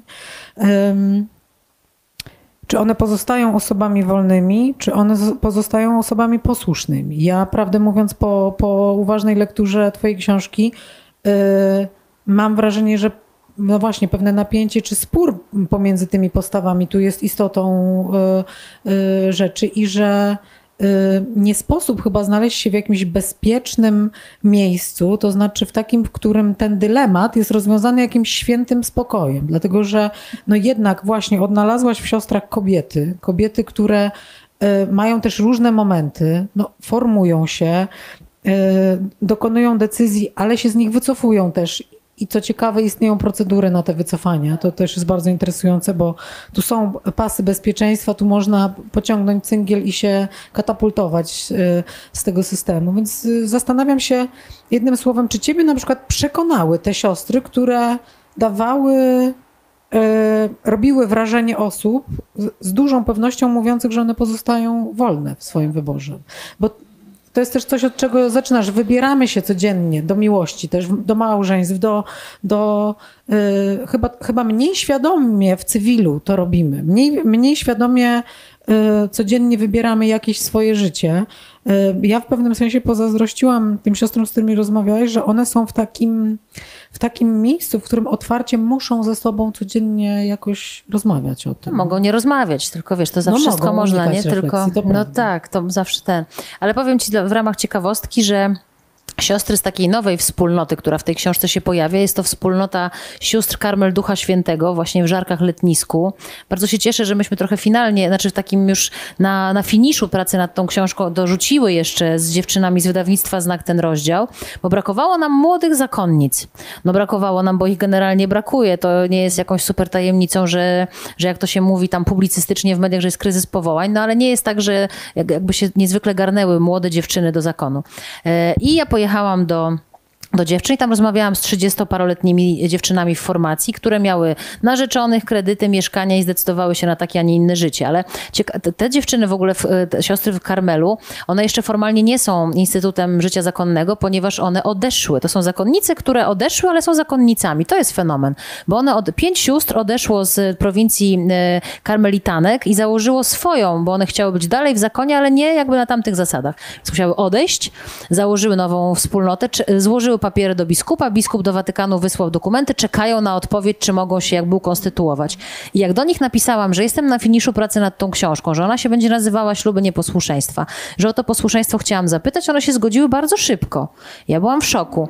I potem jak tam pojechałam, to mi powiedziały, my się zgodziłyśmy, bo nam się podobał ten temat bo my chcemy rozmawiać o tym nieposłuszeństwie, bo zobaczcie, one są nieposłuszne i posłuszne, bo one są nieposłuszne, odeszły z zakonu, który w jakiejś tam, tu wiadomo, że nie zapytasz, a dlaczego tak do końca siostra odeszła? Trudna sytuacja, no ona ci nie powie tego szczerze, bo czeka, jest w jakimś schemacie, w strukturze, tak? Czeka na decyzję od, nie może tam też za bardzo krytykować, tak? Bo, bo to jest nie w jej, nie w jej interesie, ale jest nieposłuszna, ale jest też posłuszna Bogu i tej idei karmelitańskiego życia, więc... Yy, więc wracając do Twojego pytania o wolność, jest w tej książce misjonarka, e, przewodnicząca komisji misyjnej, misyjnej przy, zgromadze, przy konferencji wyższych przełożonych e, zgromadzeń żeńskich, siostra Irena Karczewska. To jest kobieta, przez którą po prostu, jeżeli to w ogóle istnieje, Bóg przemawia. Czy ona jest tak spokojną osobą, jest tak osadzona w opowieści o sobie, o Bogu. Ona zanim poszła do zakonu, miała chłopaka, którego zostawiła i poszła do zakonu. Tam on jeszcze próbował coś tam, ale ona wybrała taką drogę i ona mówi: Jestem osobą wolną. Nikt nie stawia mi granic. Przysięgam. I siedzi naprzeciwko, i ona, i ona uważa, że przygoda, którą. I to też są słowa siostry Anny Bauchan, że Bóg jej tak porozdawał karty, że Bóg jej takie życie zafundował, że ona nigdzie by nie miała takiego życia, bo to posłuszeństwo w pierwszym rozumieniu zakonnic to jest posłuszeństwo Bogu. One uważają, że najpierw są, one są posłuszne Bogu, a, a oczywiście no, przełożona jest emanacją Boga, no musi być jakiś, czy zawsze jakiś przełożony w kościele, no musi być ktoś, kto tym zarządza, tak? Więc przełożona używa argumentu wola Boga w różnych sytuacjach, no lepiej lub gorzej. Chociaż myślę, że taka, która używa tego argumentu, to może nie najlepiej zarządza jednak, bo mogłaby osiągnąć swój cel, nie odnosząc się do, do takiej najwyższej instancji. Więc ja nie umiem ci, Paulina, powiedzieć, czy jakby ja im uwierzyłam. Znaczy, w imię czego mam im nie wierzyć? No jeżeli, i znów, dlaczego mamy tam A koniecznie zajrzyjmy tam za zapleczu, na pewno jest jakiś trup w szafie. Na pewno tam coś. No siedzi kobieta, mówi, jestem osobą wolną. Mam takie i takie życie. Byłam tu na misjach, tam na misjach, tu miałam chłopaka, zostawiłam go, jestem teraz w Lublinie, mam, zajmuję się formacją, to robię. To dlaczego ja mam podważać jej słowa? I wiesz, jakbyśmy się tak jeszcze trochę, może nie filozoficznie, ale znów odwołując się do naszych czasów. Ile się mówi o tym, że my jesteśmy zniewoleni? Smartfonami, obowiązkami, kieratem za pieniądzem, kredytami. Przecież my żyjemy w zniewolonych czasach, tak? Wiem, że to jest, może ktoś powie, oj, oj, już nie uciekaj od zakonów, ale, ale jakby tak sobie przejść na drugą stronę muru i zapytać, czy my się czujemy wolni? Ja na przykład nie czuję się wolna, bo ograniczają mnie kredyty, ograniczają mnie codzienne, coraz bardziej podnoszące się ceny, ograniczają mnie potrzeby moich dzieci, tak? No, one się czują wolne, tak? Pamiętajmy też, że one nie mają kredytów, mają wikti opierunek, przynajmniej powinny mieć bazowy. Jest taka, to, to też ci zdradzę i Państwu, że e, pisząc tę książkę rozmawiałam z Katarzyną Bondą, którą bardzo lubię i cenię. I ona jest w ogóle super dziewczyną. I Kasia Bonda była przed laty dziennikarką niezłą, a potem poszła w te kryminalne historie już, prawda, nieprawdziwe. Natomiast ona kiedyś robiła materiał, opowiedziała mi o tym, robiła materiał w Nowogrodzie, gdzieś przy, mm, w, w klasztorze takim starym i tam nawet gdzieś się schowała w toalecie z siostrą z papieroskiem i mówi, że to fenomenalne historie w ogóle o tych zakonnicach, tylko to było lata temu. Ale ona wtedy zbierała materiał do swojej książki Kobieta w walizce, gdzie pojawia się motyw sióstr zakonnych. I ona zwróciła mi taką inną perspektywę, ale spójrz na to, ile zdejmujesz z barków takiej zakonnicy. Ona wchodzi do zakonu i mówi, dobra, to ja jestem częścią wspólnoty i tak, nie musi zamawiać jedzenia, nie musi sobie gotować, bo ma ktoś, ktoś to, matka przełożona tym się wszystkim zajmuje. Ona, matka one muszą dostać tam podstawowe, podstawowe, nie mówię, że jakieś zachcianki w ogóle, ale no przecież siostry mają i łazienki w swoich pokojach i mają swoje laptopy i mają telefony, tak? Bazę ona dostaje, więc ty nie musisz, do lekarzy też mają dostęp. To nie jest tak, że one są jakoś, nagle jesteś zamknięta przed światem i, i dostajesz tylko, nie wiem, miskę ryżu. Nie? One tak normalnie żyją. I nie martwisz się tym właśnie, czy masz gdzie mieszkać, czy ci nie kapie na głowę. No od tego jest szefowa. Oczywiście, jeżeli jest jakiś grubszy problem, jeżeli są jakieś, nie wiem, problemy finansowe, no to się rozlewa na, na cały zakon. No ksiądz Stanisław o tym mówi, tak, że jakaś oszczędność z czegoś wynikająca, ale tam baza powinna być, jakie to jest wygodne. No twoja książka na pewno przerzuca taki pomost normalizujący między naszym światem a ich światem, który e, właśnie e, e, sprzyja takim refleksjom o tym, czy aby my jesteśmy tacy znowu wolni, i czy wybór bycia w zakonie bardzo się różni od na przykład pracy w korporacji, która też wiele rzeczy gwarantuje i zapewnia, no ale coś, y, coś y, zabiera i jakieś, jakieś ceny za to y, płacimy. Nie wiem, czy to jest niezdrowy symetryzm, czy, ale na pewno, na pewno twoja książka inspiruje do takich, do takich przemyśleń, to znaczy na pewno odbiera takie przekonanie, że my tu mamy pełną swobodę, a tam jej nie ma, bo tam zresztą nie tylko ksiądz mówi o tym, że zakony zwalniają też z pewnych przecież decyzji, mogą być też e, próbą ukrycia się, że to jest motywacja, którą siostry muszą odpowiednio wcześniej rozpoznać, bo to nie jest dobra motywacja do życia zakonnego, bo ono jednak e, e, wymaga, wymaga innych intencji, które zostaną pewnie z czasem sprawdzone. Mm, Nadałabyś się, wiesz, tak mówisz takim językiem zakonnym, wzięłyby cię na. Niektóre twoje rozmówczynie mówią o tym, że właściwie życie zakonne im też, mówiąc w cudzysłowie, zafundowało ciekawe, dobre życie. To znaczy zabrało je w miejsca, do ludzi, do osób, do doświadczeń, y, y, do których one by się inaczej po prostu nie dostały. Zastanawiam się, czy myślałaś o zakonnicach, bo ja jak czytałam, to mi przyszło to do głowy, że my chyba nie doceniamy też tego, że bycie w zakonie to jest odwaga. To znaczy to zgodzenie się na posłuszeństwo. Ostatnio czytałam w miesięczniku w drodze, w którym ja piszę felietony, co się wielu osobom nie zgadza z moim jakimś tam zewnętrznym wizerunkiem. Yy, czytałam bardzo ciekawy tekst autorstwa siostry zakonnej, która właśnie poprosiła o taki rok na refleksję. Na, Eksklaustracja. Na, nie wiem, czy o to chodziło, ale na pewno jakieś przeniesienie, podczas coś. którego mogłaby popracować, popisać, pomyśleć. Miała jakieś wyobrażenie, gdzie zostanie wysłana, została wysłana na Ukrainę.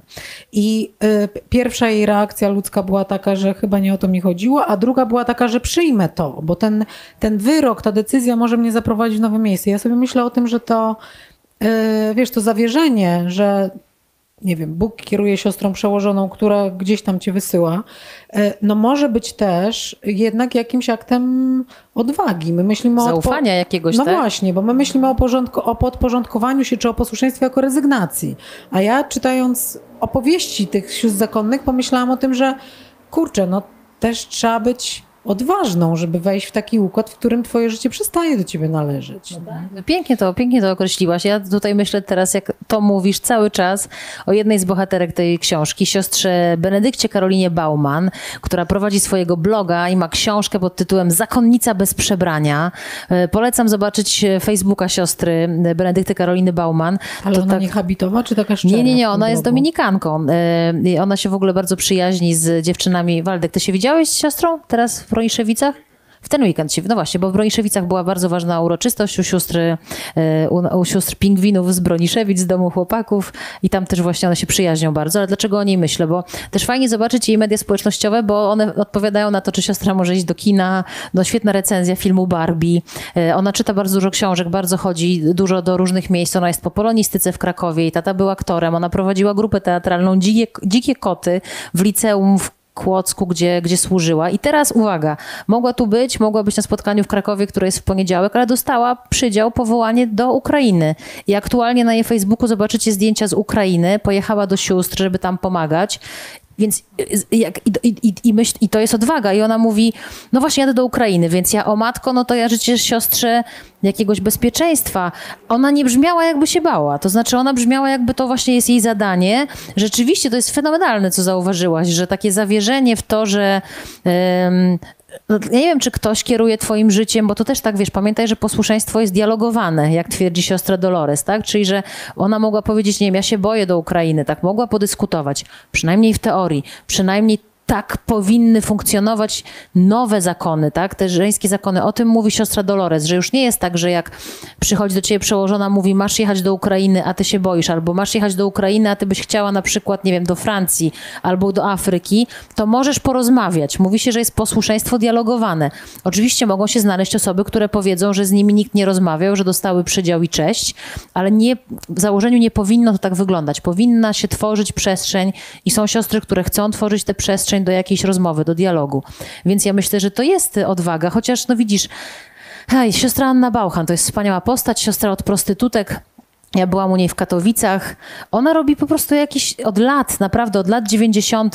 Pokończyła różne kursy terapeutyczne, y, ma naprawdę ogromne kompetencje, żeby pomagać kobietom na ulicy, ofiarom przemocy, ofiarom handlu ludzi, ludźmi. Tworzy tam y, centrum pomocy, takie centrum dla rodziny. I ja tak słucham tego, słuchajcie, ona oddała życie tej części, y, tego, te- temu miejscu, tym ludziom, jest tam osadzona, ma tam wolontariuszki, jest cała w ogóle taka rodzina dookoła, buduje to centrum, zbierają te pieniądze i ja mówię, no i co? I zadzwoni biskup, czy matka przełożona przyjdzie i powie, że siostra dostaje przydział do Siedlec i co siostra zwija, jak to mówią pięknie, mandżur i zwija to wszystko i, i idzie do... A ona mówi, no tak, ale jak to? Życie siostra poświ- i siostrze nie żal? No tak. I to było dla mnie takie, wow, można po prostu. Ale żaden myślący biskup, matka przełożona nie zrobi czegoś takiego, tak? Znów trzeba zawierzyć, że to jest po coś. I trochę po to w tej książce jest psycholożka, absolutnie świecka psycholożka Justyna Dąbrowska, bo rozmawiamy o takim mechanizmie racjonalizacji. To znaczy, zobacz, a propos tego właśnie zawierzania, że Bóg tak chciał, tak? Czy że los tak chciał. To jak wszystko może mieć dwie strony. Z jednej strony może ci to porządkować życie trochę, no bo, ale to też z ciebie zdejmuje odpowiedzialność. To, co mówiłaś na początku, że żyjemy w czasie kultu ja, ja, że ja mogę, ja decyduję. Myśmy trochę uwierzyli w to, że nasze życie zależy od nas. To jest nieprawda. Ono trochę zależy od nas, ale również trochę od okoliczności, co pokazała nam pandemia, co pokazało nam wiele innych sytuacji, ale że że siostry sobie trochę tak racjonalizują. Tutaj nie chciałabym przekręcić, bo to są psycholożki na sali tego mechanizmu tam z- z kwaśnych cytryn i słodkich winogron, ale jest takie powiedzenie, jak się nie ma, co się lubi, to się lubi, co się ma. Czyli, że jest siostra, daleko nie szukając znowu, Benedykta Karolina Bauman dostaje zaproszenie do Dzień Dobry TVN. Nie? Dostaje zaproszenie do telewizji, fajnie, śniadaniówka, ona jest taka otwarta, idzie do matki przełożonej, żeby zapytać o zgodę, albowiem one muszą prosić, czy pytać o zgodę, muszą ustalać w jakiejś formie takie rzeczy. I matka przełożona mówi nie, i ona mówi, no dobra, no, no okej. Ale za dwa, trzy, trzy tygodnie dostaje e, znowu zaproszenie do Dzień Dobry TVN, znowu puka do przełożonej, przełożona mówi, okej, tak, możesz iść, nie? I teraz z jednej strony to budzi takie oburzenie, dlaczego jej nie pozwoliła. No ale za pierwszym razem jej nie pozwoliła, bo ta siostra była jej potrzebna w innym miejscu, że jakby dystraktorem pewnym, oderwaniem od jej pracy, od jej zajęć byłaby ta telewizja. Chodzenie do telewizji nie jest istotą życia zakonnego, tak? Później matka przełożona uznała, że, że w porządku, że są takie okoliczności, że ona może, że nie jest potrzebna we wspólnocie i siostra sobie to racjonalizuje też trochę mówiąc, no okej, okay, jakby, chociaż może bardzo chciała pójść do tego dzień dobry i jest rozczarowana, ale co robi ze swoim rozczarowaniem? Myśli, no tak miało być, tak chciała. No właściwie to, właściwie ta, jest ważniejsze, że ja jestem tutaj i pomagam, tak? No od, odpalasz sobie takie różne rzeczy, które ci pozwalają poczuć, że, że, że to jest w porządku, tak? Chociaż jest trochę wbrew tobie, no bo to, to, jest, to jest cały czas bycie, no, niekoniecznie wbrew tobie, ale no rzeczywiście musisz pytać albo chociaż dyskutować. No siostra Dolores mówi, że to nie jest zawsze tak, że musisz powiedzieć, przepraszam matko przełożona, czy ja mogę, ale że się informuje, tak? Na pewno jesteś zależna. Na pewno jesteś zależna w swoich różnych ruchach, decyzjach, wyjazdach, to bez, bez wątpienia. Już myślę, myślę też o tym, bo y, wracając do, tego, do tej osi napięcia, która jest w tej książce, prawda, między indywidualnym a, a nie wiem, a też szerszym niż pojedynczy człowiek, tak, że y, nie tylko w polskich zakonach, ale dajmy na to w Indiach, Y, są ludzie, którzy wierzą, że ich los, ich byt, ich ciało w ogóle nie należy do nich, tylko jest częścią spraw większych. I czy je nazwiemy Bogiem w zakonie, czy je nazwiemy. Yy, jaźnią czy bytem, tak? no to, to y, są możliwe te inne wymiary życia i inne wymiary traktowania własnego istnienia. To jest, to jest myślę, y, ten, ten, ten motyw, który, który Y, bardzo ożywa w myśleniu, kiedy się czyta Twoje rozmowy z, z, siostrami. Cały czas się przypomina to, że można traktować swoje życie jako część instrumentu jakiegoś większego mechanizmu. I, i y, poza, poza tą nomenklaturą psychoterapeutyczną, którą na to możemy nałożyć, prawda, psychologiczną i, i, i myśleć o, o, o tym, czy to jest naprawdę przekonujące, no to jest, ja cały czas pamiętam o tym wymiarze wiary, że to są jednak też osoby funkcjonujące w trochę innym wymiarze duchowym. To nie jest wymiar psychologiczny, tylko duchowy. Bardzo dziękuję Pani Katarzynie, która nas ogląda, która się odważyła zadać nam pierwsze pytanie, a właściwie Tobie, Justyno. Czy jest taki wymiar, w którym czujesz e, niedosyt? Nie dowiedziałaś się czegoś, czegoś siostry nie, nie powiedziały, nie udało się dotknąć? Znaczy ja czuję niedosyt w liczbie bohaterek, to znaczy na pewno fajnie byłoby móc jeszcze więcej siostro to zapytać e, i włożyć, tylko wtedy mówię, praca nad tą książką by się bardzo mocno wydłużyła. Czy czuję jakiś niedosyt? Inaczej powiem, na pewno teraz zadałabym masę jeszcze innych pytań. Wszystkich wam teraz nie zdradzę, bo je podbierzecie i napiszecie taką książkę, ale mówię to oczywiście z życzliwym uśmiechem, ale nie mam także, nie mam naprawdę, nie mam, słuchajcie, nie mam jakiegoś takiego poczucia, że ktoś przede mną nie wiadomo co, tak? To, to z czym poszłam, y, z tym wyszłam, to znaczy z czym chciałam wyjść, y, z tym wyszłam. Chociaż jest takie zdanie, które też mi się kojarzy, ja w ogóle jestem osobą, która no, robi, robi w języku, robi w zdaniach, mówi, pisze. Ja się przywiązuję do zdań. I jedna z byłych zakonnic, która się finalnie nie zgodziła na bycie w tej książce, nie życzyła sobie w ogóle jakiegoś żadnego wzmiankowania, kim ona jest, co się jej wydarzyło, powiedziała mi takie zdanie. Pamiętaj o tym, że nie rozmawiasz z tymi, z którymi chcesz, tylko z tymi, które ci wystawią. I to jest coś takiego, co daje ci do myślenia, na ile faktycznie może to jest jakaś, tam krąży ten PDF nielegalny i tam jest jakaś struktura tajna i po prostu nie wiadomo, wiecie, jakiś taki, jak, jakaś mafina, no nie rozmawiasz z tymi, którymi chcesz, tylko ci je wystawią, ale kto je wystawia? Nie wiem, siostra Dolores, znaczy na, wiem, że tam niektóre zakonnice dostały telefony od, od biskupa, był telefon, że w porządku, że dobra książka, że jest okej, okay, że ona jest dobrze odbierana, że jest, no i mówię, jest, jest zaskoczenie, że ona nie, nie, nie do końca końca chyba wszyscy wierzyli, którzy się też w tę książkę zaangażowali, że ona nie będzie atakująca, tak? Ale powiedziałaś, wiesz, o. Mm, to, to, trochę mi się kojarzy z e, pytanie od pani Katarzyny z twoim pierwszym pytaniem, czy są jakieś niedopowiedzenia. Mam osoby, które tę książkę przeczytały, które mówią, wiesz co, ty tam nie dociskasz w paru miejscach, ale to wychodzi, o czym one nie chcą mówić wychodzą tematy, jak tak zostawiasz, i to jest w ogóle piękno inteligentnego czytelnika, który rzeczywiście, bo tam są takie momenty, w których jest jakby kropka, I, I zostajesz takim trochę między słowami, nie? Więc są na pewno tematy jeszcze takie niedopowiedziane i są tematy, które być może można by tam, wiesz, jeszcze po, pogłębić, ale najpierw trzeba było w ogóle tam wejść, zostać, napić się razem herbaty. Teraz żartowałam do siostry Dolores, że jak będę w Raciborzu, to wpadam na herbatę. Ale zapraszam, zapraszam. No nie wiem, czy tak szybko powiedziałaby, zapraszam, zapraszam po naszej pierwszej rozmowie. Teraz już wie, że naprawdę nie przychodzę tam z jakimś, wiesz, nie jestem koniem trojańskim jakimś, nie jestem jakimś potworem, który tam się, wiesz, ukryje i zaleje jakimś złem to miejsce. To myślę, że jednak zdobycie zaufania było, było kluczowe. No, mi się też wydaje, że dobrze jest niuansować yy, w ogóle narrację o świecie. Karolina Wigura akurat mówi z tego środka rzeczywistości. Zresztą mają taki ładny podcast, który nazywa się Prawo do niuansu. Kocham ten tytuł, bo generalnie żyjemy w rzeczywistości, która wiadomo, polaryzuje nas, radykalizuje. Ja nie do końca wiem, chociaż mam nieuregulowany stosunek do Pana Boga, lub też Boga, nie wiem, czy on jest Panem czy Panią to, to myślę sobie, że nie, nie, niekoniecznie coś dobrego wynika z e, wojny z Kościołem. Ja też szukam takich opowieści i narracji, które jakoś po, pokażą mi, że, że, że istnieje dobry aspekt tego świata, bo on jest niezaprzeczalny, na przykład w pracy właśnie humanitarnej, e, o czym siostry, z którymi rozmawiasz, mówią także. No ale też nie jest tak, że jest to, szanowni państwo, opowieść bardzo sympatyczna, miła i, i w jakiś sposób unikająca trudnych wątków. I chciałam cię poprosić, żebyś przeczytała fragment swojej rozmowy z dawniej siostrą Nazarią, dziś Izają Mościcką, która jest z nami tutaj dzisiaj. Nie, niedługi fragment, no ale dotykający tematu E, przemocy, w, który zdarzać się może i w naszym kawałku świata, i w tamtym kawałku świata. Od strzałki od strzałki do cęgielka na drugiej stronie. Tu, o tu, o tu, tak i odtąd, tu, tak i odtąd, tu, tak i odtąd, tu, tak i odtąd, tu, tak i odtąd. Książka jest pomazana. Tak? Bo Nie w ogóle trzeba was grać po książkach. E, kiedy ja sama zrozumiałam, zastanawia się, kiedy ja sama zrozumiałam, że tkwiłam w układzie przemocowym, gdy trafiłam na spotkanie Centrum Praw Kobiet. Współpracowałam z nim trochę. Chodziłam na spotkania z dziewczynami, które wyszły z przemocowych związków. Słuchałam ich z ogromnym zainteresowaniem. Podczas jednego ze spotkań dotarło do mnie, jak wiele jest analogii między związkiem kobiety i mężczyzny, w którym jest przemoc, a życiem w zakonie i sytuacjami, z którymi ja się zetknęłam. Jeszcze w zakonie koniec spotykałem mnie różne nieprzyjemności, ale wtedy uważałam, że tak po prostu powinno być, że zakon zawsze tak wygląda. Dopiero będąc na zewnątrz, zrozumiałam, że mam dość, że doświadczam przemocy. Pamiętam jeden dzień, zwykły majowy dzień, kiedy byłam już poza zakonem.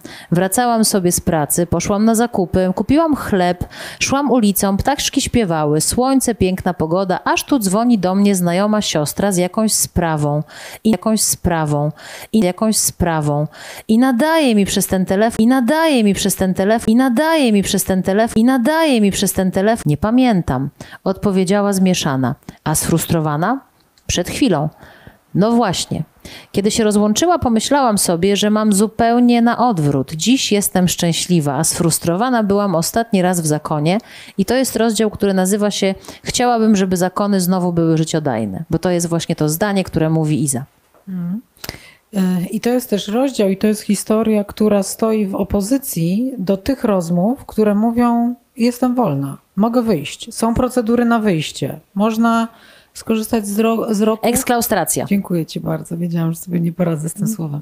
E, no to jak to jest? Jest, e, jest wolność. Wolność w zakonach się zdarza, czy jest normą? Przemoc w zakonach się zdarza, czy jest normą, bo bo, są to organiza- bo to są organizacje hierarchiczne, które siłą rzeczy, z tytułu tego, że są hierarchiczne, yy, sprzyjają mechanizmom przemocowym, jak i dla ciebie z tych, obra- z tych rozmów wyłania się yy, obraz. To jest bardzo takie pytanie, na które ja nie odpowiem, czy y, przemoc y, się zdarza, czy nie, nie wiem, czy kto w ogóle by się podjął odpowiedzi na pytanie, czy w zakonach przemoc jest normą. Jakby chciałabym móc odpowiedzieć, że nie jest, tak? I jakby będąc w tych różnych miejscach, w których byłam, tak zaglądając, czy tam coś się dzieje, no wiesz, no za klauzurę nie wejdziesz, tak? Więc też przemoc ma różne imiona, tak? I przemoc ma różne odsłony, i przemoc ma różne formy. I to nie musi być wcale, że ktoś cię uderzy, tylko że ktoś ci coś powie powie, ale to też może być opowieść o tobie, tak? Co odbierasz w jakiś sposób e, dla ciebie zły, a ktoś obok tego tak nie odbierze. E, chociaż e, w żaden sposób ja, ja nie normalizuję przemocy i dla mnie w ogóle przemoc w ogóle nie powinna istnieć, nie powinno jej nigdzie być. Czy w domu, czy w zakonie. To w ogóle powinno być tak skonstruowane, również mechanizm zakonny, że jeżeli pojawia się przemoc, to są narzędzia, żeby narzędzia, żeby narzędzia, żeby narzędzia, żeby narzędzia, żeby narzędzia, żeby narzędzia, żeby powinno być moim zdaniem. I teraz to wszystko, czego doświadczyła Iza, ale to wszystko, czego doświadczyły też siostry, którym ona pomaga w Centrum Pomocy Siostrom Zakonnym, bo to nie jest jedna historia. E, tych historii jest więcej. To nie wiem, czy Państwa i Ciebie nie rozczaruje, jeżeli powiem, że zawsze najgorszy i najbardziej ułomny, jak również najfajniejszy i najpiękniejszy jest czynnik ludzki. To znaczy to, co mówi ksiądz Stanisław. Jeżeli matka przełożona, matka przełożona powinna traktować siostrę jak córkę. Y, ryba się psuje od głowy. Jeżeli masz matkę przełożoną, która, nie wiem, od 40 lat jest matką przełożoną, albo od y, jakiegokolwiek czasu, ale jest nie w porządku, jest osobą przemocową, tak to nazwijmy, tak? Jest osobą, która ma ze sobą problem, która ma jakieś swoje kompleksy i przelewa tę truciznę w jakiś sposób na siostry, no to dzieje się źle, e, na swoje podwładne, tak, dzieje się źle, jeżeli wykorzystuje je do czegoś, wykorzystuje tę wolę Bożą, w imię bez sensu nakazuje robić rzeczy, każe podlewać ogródek, e, jak pada deszcz. To są absurdy, takie rzeczy naprawdę też się dzieją. Z drugiej strony, jeżeli macie, jak wiecie, to porównanie do korporacji, którego użyła Paulina, nie jest wcale jakieś takie naiwne, bo sama siostra Bauchan mówi o tym, że Bóg to jest jej szef. Ona tak mówi, on mój szef, tak? Więc jeżeli założyć, że Bóg jest szefem, a Firmy taką. różne, firmy różne, sam. a szef ten sam, tak? Że różne zakonnice, firmy różne, a szef ten sam, nie? Że jakby tak spojrzeć na przełożoną jako na szefową, tak? I na przykład jest jakiś spór, konflikt. Siostry mówią tak, lubią taki eufemizm, problemy relacyjne. Nie, że są problemy relacyjne. Nie wiem na czym polegają, że się nie cierpią, nienawidzą, że jedna na drugą donosi, jedna drugą tam oczernia. Różnie pewnie może być. A może jedna drugą uderzyła albo szarpnęła. Też się pewnie tak zdarza. I jak macie matkę przełożoną, która nie umie tego zarządzić, rozporządzić, roz jakoś e, załatwić, no to robią się, jest i wiadomo, że wiesz, no w prostej linii też, no o tym jest rozmowa z no o tym jest rozmowa z no o tym jest rozmowa z no o tym jest rozmowa z no o tym jest rozmowa z tam się dzieje, że jak masz jakąś hierarchię, która musi być, jak masz jakieś posłuszeństwo, jak się zawierzasz, no to możesz się też zawierzyć niewłaściwie. To jest jakiś, nie wiem, czy pole, czy furtka, czy potencjał, że tam się może dziać źle, tak? Bardziej, ale tak samo jak w społeczeństwach, jak masz, chociaż wiesz, no nie wiem, transparentne społeczeństwa skandynawskie też się tam dzieje źle, no.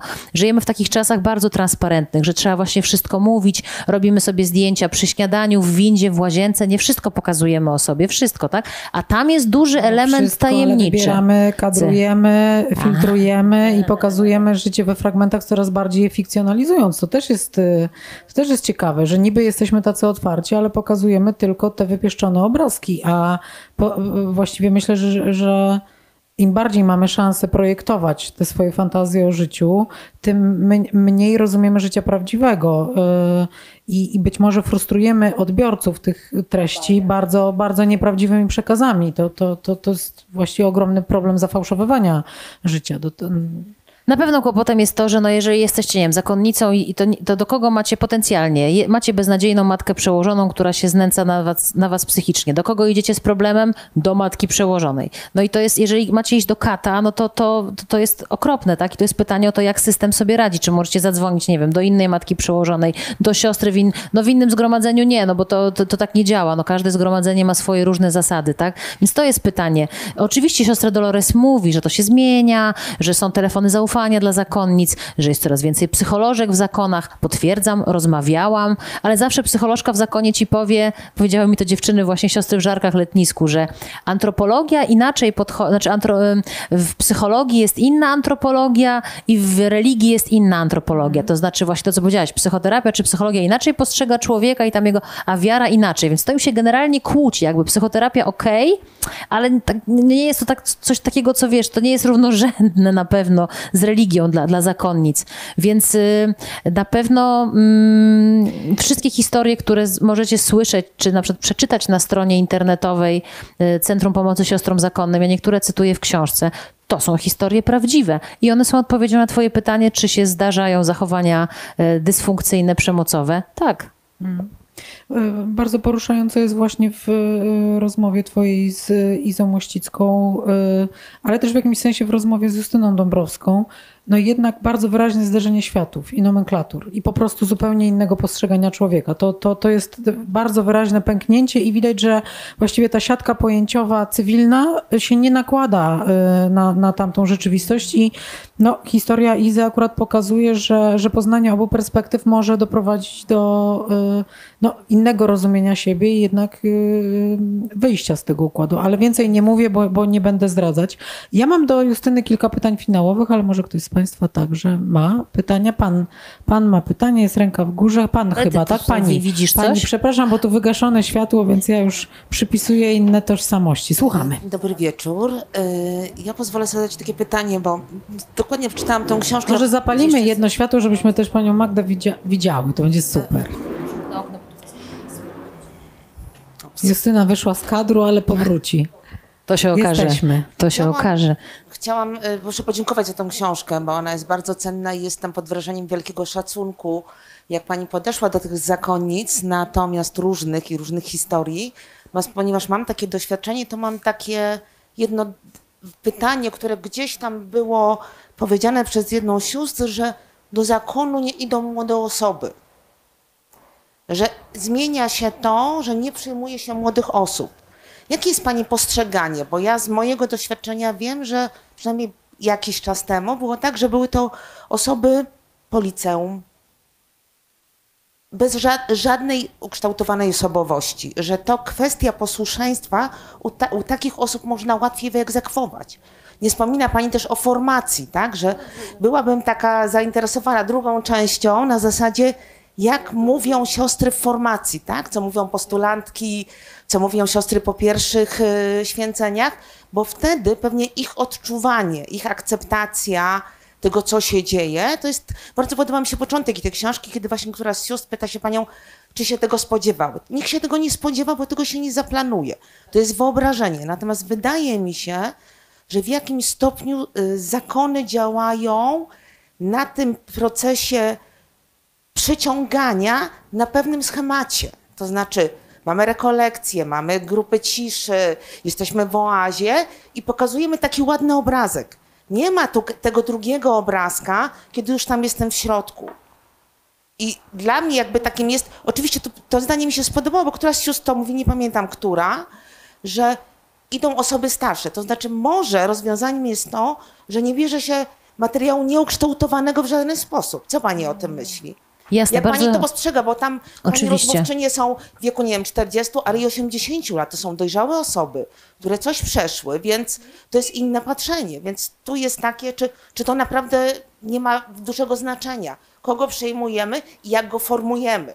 A już to, czy jest dobrze, czy jest źle, no to jest wykładnią tego, od czego zaczęliśmy. Tak mi się wydaje, więc chciałam o to zapytać. A proszę mi jeszcze powiedzieć, powiedziała Pani, że kiedyś było tak, że jakiś czas temu było tak, że przyjmowano dziewczyny po liceum. Proszę łaskawie zdefiniować jakiś czas temu. To był koniec, początek lat 90., 92, 94. To ile lat temu? To ja bym chciała jakieś powiedzieć. 30. Ja bym chciała, no właśnie strasznie mi przykro, że to tak dobrze pamiętam, bo już wtedy chodziłam do szkoły. Mhm. Chciałam powiedzieć, że to było 10 lat temu. To było 30 lat temu. Tak, tylko że ja 30 lat temu. Tylko ja w tej pani książce nie czuję tej zmiany. To znaczy, Jasne. mamy siostry, które mają osobowość, mają charyzmę, wierzą to i one to pokazują. I ja słyszę dzisiaj na spotkaniu, jak pani mówi, że ta siostra miała tą wiarę w sobie. Ja jestem osobą już niewierzącą po pewnych doświadczeniach, tak? Jasne. Natomiast to jest dla mnie coś takiego, że jednak rozmawia z pani z osobami, które są ukształtowane i wyszły na zewnątrz. Tak, pisze pani o siostrze Paulinie, która tam ma Instagram, o siostrze, która napisała książkę o ślicach. To są osoby, nie rozmawiamy z tymi, którzy zaczynają tą drogę, No jasne. albo są na początku. Roz- tak, I tego tak. mi troszeczkę zabra- zabrakło, ale może To to, ja- będzie ja- druga część, zachęcam. Tutaj dziewczyny ze znaku chyba poleciały na pociąg do Krakowa, więc nie wiem, czy, ale może oglądają, więc nie wiem, czy już możemy załatwić kolejną książkę, ale powiem całkiem serio. Sama chętnie bym przeczytała książkę o formacji zakonnej, bo to jest bardzo ciekawy temat, tak myślę, ale yy, to, to tak. Mm, ja osobiście rozmawiałam z trzema siostrami, właściwie to no już siostrami, bo jedna była jeszcze bez habitu, dwie były już ze szkaplerzami w tych habitach karmelitańskich, które miały 35, 37 i bodajże 32 lata. I to były dziewczyny, które wstąpiły, nie wiem, 2-3 lata temu, czyli w okolicach 30. Ja rozmawiałam z takimi osobami. I to są dziewczyny, które tworzą nową wspólnotę, poszły za siostrami karmelitankami, które odeszły z prowincji karmelitanek, założyły wspólnotę Karmel y, Ducha Świętego w Żarkach Letnisku. I to są osoby takie, tak? E, Natomiast mm, widziałam jedną siostrę y, w, w, w formacji, taką na oko dwudziestoparoletnią, ale nie rozmawiałam z nią, w klasztorze benedyktynek. I teraz te, które ze mną rozmawiały, mówiły o tym, o czym ja mówiłam, czyli że one wybrały taką drogę. Jedna nawet przez rok rozeznawała, to jest też słowo klucz, są takie różne słowa klucze, jak mówiła pięknie Paulina, rozeznaje. Jeździła po różnych zakonach i zgromadzeniach i sprawdzała, gdzie jej się podoba i wybrała to, które jej pasuje. Kobieta, kobieta 30-letnia, tak? Po studiach, po związku, po doświadczeniu, tak? I ja z takimi rozmawiałam. I mnie pozwolono z takimi rozmawiać. To znaczy, w, żarkach w ogóle była taka sytuacja, że myśmy w pewnym momencie wszystkie siedziały przy stole. To powiem wam, że to jest koszmar dla dziennikarza spisującego wywiad, bo nie wiesz, kto mówi. Tam siedzi siedem dziewczyn, ale wszystkie ze mną rozmawiały. One mają takie poczucie wspólnotowości, że najpierw rozmawiały wszystkie, potem zamknęły mnie te starsze siostry, po, pozwoliły z tymi trzema młodymi, potem ze sobą, z tymi trzema starszymi, żeby mi dać optykę, ale to jest i to jest znaczące, że to jest nowa wspólnota, która jeszcze się, i to jest ta, która się tworzy. I jak zapytałam, z kim wy się jakoś kolegujecie, dziewczyny, czy macie jakąś inną podobną wspólnotę, to powiedziały, no nie za bardzo, bo tak trochę nie ma. Tu są jakieś tam siostry, tu pada jakaś jedna nazwa. Tak samo siostra Anna Bauchan, ona nie ma jakoś bardzo wielu sióstr, z którymi jest taka rock'n'rollowa i pomaga tym. Mają stowarzyszenie, a to jest, nie wiem, to jest kwestia na palcach jednej ręki, możemy policzyć. Jest, y, bo troszkę to, o czym pani mówi, to jest taki, nie wiem czy on jest mit, no ale rzeczywiście mówiło się kiedyś, że do zakonu szła po maturze dziewczyna uciekała, nie doznała jeszcze życia, nie zrozumiała, nie wie co to jest, więc uciekła do zakonu. No ja z takimi nie rozmawiałam, ale też wie pani dlaczego. No mnie nikt do takiej dziewczyny może by nie dopuścił.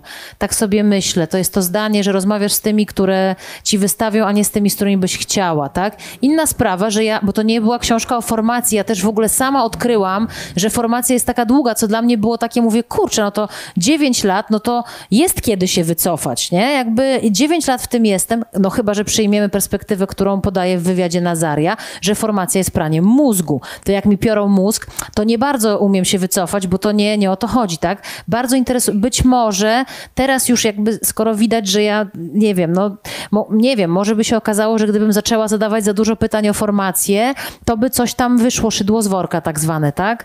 Rzeczywiście to jest jeden, ta, ta książka dzisiaj napisała do mnie też znajoma po lekturze, to jest wierzchołek góry lodowej. Ja absolutnie mam tego po, poczucie. To nie jest książka, która zdokumentowała ten temat. Ja mam taki też styl pracy. Ja nie jestem może takim typem, wiecie, bibliotekarki, która siedzi 15 lat, redaguje jedną książkę. Ja wolę zrobić jeden temat, zrzucić to, pójść dalej, zobaczyć jak to, jak się ładnie mówi, rezonuje, co, jak to żyje, bo ta książka naprawdę żyje też i w tym środowisku. I teraz zobaczylibyśmy może, co by, jakby pójść dalej. Niezwykle interesujący jest ten temat, na który pani zwraca uwagę. I ja nie mówię, że, że, że pani nie ma racji, jakby mówię tylko, co z czym ja się zetknęłam, prawda? Nie wiem, być może jest tak, że gdybym ja była u tych benedyktynek i powiedziała do Małgorzaty, a mogę z tą młodą siostrą pogadać? Bo bym bardzo chciała, nie? To, to ciekawe, co by, co by się wydarzyło. Ja tam pojechałam w celu rozmowy z siostrą Małgorzatą, to był mój target, moje założenie, tak? Więc te, tego nie wiem. No i też y, pytanie, jaki byśmy przyjęli Rzeczywiście no, siostra Benedykta Karolina Bauman też poszła do zakonu po studiach, już po polonistyce, tak? Rzeczywiście siostra Dolores akurat, która jest, no nie najstarsza, bo Małgorzata jest najstarsza, ale Dolores poszła do zakonu, jak ja się urodziłam, w 84. I ona była młoda, ona miała 20 parę lat, tak? Więc to jest ten, ten case, tak? Ten przykład, o którym trochę pani mówi. Ale wydaje mi się, że troszkę melodią przeszłości jest to pójście do zakonu od razu po liceum, również dlatego, że w dzisiejszych czasach mamy tyle możliwości rozwoju, że młoda dziewczyna po liceum naprawdę nie musi iść do zakonu, żeby wyjechać na misję zagraniczną. Myślę, że wie pani o czym mówię. Także zakon kiedyś, nie oszukujmy się również pewnie dla siostry Dolores, był takim oknem trochę na świat, był możliwością zobaczenia innego świata, bycia w innym miejscu, pomocy w in... Dzisiaj mamy fundacje y, świeckie, nieświeckie, wolontariaty, Erasmusy. No ten świat, przecież jakby siostry służą ludziom, tak? No możesz służyć ludziom, nie będąc w zakonie też, tak? Więc to bym odpowiedziała na pani pytanie. Nie mam poczucia, że może pokrętnie, ale też nie mam poczucia, że może tak bardzo wprost. Tyle mogę dać na podstawie tego, co zebrałam. Dziękuję. Ktoś z Państwa jeszcze ma jakąś myśl, pytanie Pani. To już idzie, idzie do Pani Marianna z mikrofonem. Otworzę jednak to okno, bo się tu zadusimy, ale może nie będzie za głośno. Nie, bo tu jest, wiesz, gwar Warszawy, o Jezu. O, Gwar wielkiego miasta. Co ja wzywam, to imię Pana Boga na- nadaremno. Przepraszam. Jest tutaj z nami, zapraszamy. Y, Moje pytanie też jest pytaniem y, osoby niewierzącej, ale p- chcącej, próbującej zrozumieć wierzących. I jestem w stanie na przykład zrozumieć, że jeżeli y, życie stawia przed nami różne wyzwania, obowiązki i tak dalej, to ktoś, kto wierzy, może sobie powiedzieć, że to była wola Boga, prawda? I musi się z tym zmierzyć. I to rozumiem. Natomiast pani użyła sformułowania posłuszeństwo Bogu. I tego nie rozumiem. Y, Aha, właśnie myślałam, że pani wydobyła od Ja zakonnic. wydobyłam. E, Po, poczyta Pani, mam nadzieję, że y, da się to wyczytać z wywiadu z siostrą Małgorzatą Borkowską, bo ja naprawdę tam siedziałam, ona szczególnie, jakby, to, to, wie Pani, każda zakonnica mówiła, ja tylko odpowiem oczywiście, bo, bo wbiłam już w pytanie, ale tylko odpowiem, że każda zakonnica mówi o czymś takim, że i też ksiądz Stanisław o tym mówi, że w ogóle nie możesz patrzeć na mnie czy na życie zakonne bez wiary.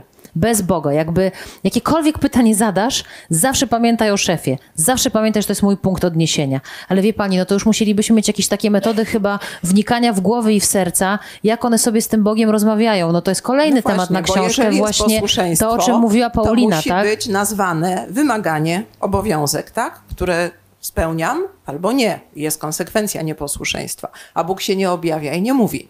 Tylko O, mamy dla sio- siostrom się objawia. Ale widzi pani, siostrom się objawia. Siostra Bauchan opowiada taką Przychodzi sytuację. Bóg i mówi, tak? No, robi, przez czyny się objawia, przez różne rzeczy, okoliczności Bo życiowe. chcą w to wierzyć. Ja nie wiem, czy chcą, może po prostu wierzą. Ciekawa jest ta teoria o tym, że wybie... to w ogóle świetne wątki pani porusza, też bardzo mi bliskie, ale powiem o tym, bo ja tego też nie rozumiem i nie, nie uważam, to jest to, o czym też mówiłam na początku i też trochę to, o co mnie zapytała Paulina, czy ja brałam pod uwagę, że ja nie, nie, nie podźwignę wszystkiego, co nie znaczy, że nie mogę zapytać, że próbować, tak, że napisać tak, jak słyszę, jak ona to mówi, to ja to opisuję. Siostra Bauchan opowiada taką sytuację, że mieli ciężką zimę, zaczął im się kończyć opał w tym domu zakonnym, w którym one mieszkają, że nie miały czym grzać, tam olej jakiś taki opałowy miały. No i no wiadomo, że się modliły, żeby tam, no one się cały czas jakby modlą, to modlitwa jest elementem obecnym, tak? No i było słabo, nie było tych pieniędzy, było, było słabo finansowo i przyszedł człowiek, pan przyszedł i dał im olej opałowy. I ona go pyta, dlaczego do nas przyszedłeś? Wiecie no nie wiem, no ja tutaj jestem przedsiębiorcą, niedaleko mam takie, no chciałem w darze, nie? I ona mówi do mnie, jak ty to sobie inaczej wytłumaczysz, jak nie to, że mi Bóg pomógł? Jak ty sobie to inaczej wytłumaczysz, jak rozumiem, nie, że szef to mi jest pomógł, nie? Nie, nie, bo ja podam obecność. przykład. Dobrze, bo teraz odpowiada, czy w jaki sposób Bóg mówi, czy jesteś posłuszna? No to I czego on wymaga? No to przecież- nam mówią ci, którzy się y, zajmują egzegezą, prawda? Ale no to egzegezą, ale też myślę, że każda ma swoją egzegezę i też ma, jak mówi Małgorzata, że każda ma pierwotnie, że każdy człowiek ma swoją też wolną wolę i swoje sumienie i w swoim sumieniu też dokonuje pewnych, e, pewnych ocen i wyborów. No też umówmy się, jeżeli się jest osobą głęboko wierzącą, już na pewno jak się jest w zakonie, to się czyta i różne pisma i wie się, jakie są zasady, nie wiem, związane z tym, co jest w porządku, co to jest bycie dobrym człowiekiem, posłusznym człowiekiem, oddanym człowiekiem. Po to są te cytaty z Biblii, one są mocne. Posłuszeństwo też w tych cytatach jest takie, powiedziałabym, kategoryczne, tak? To też warto wejść głębiej w słowa pisma, jak, jak to się ładnie mówi, ale rzeczywiście e, w ogóle ta opowieść, bo to, co mnie pani pyta, to jest opowieść o relacji z Bogiem, tak?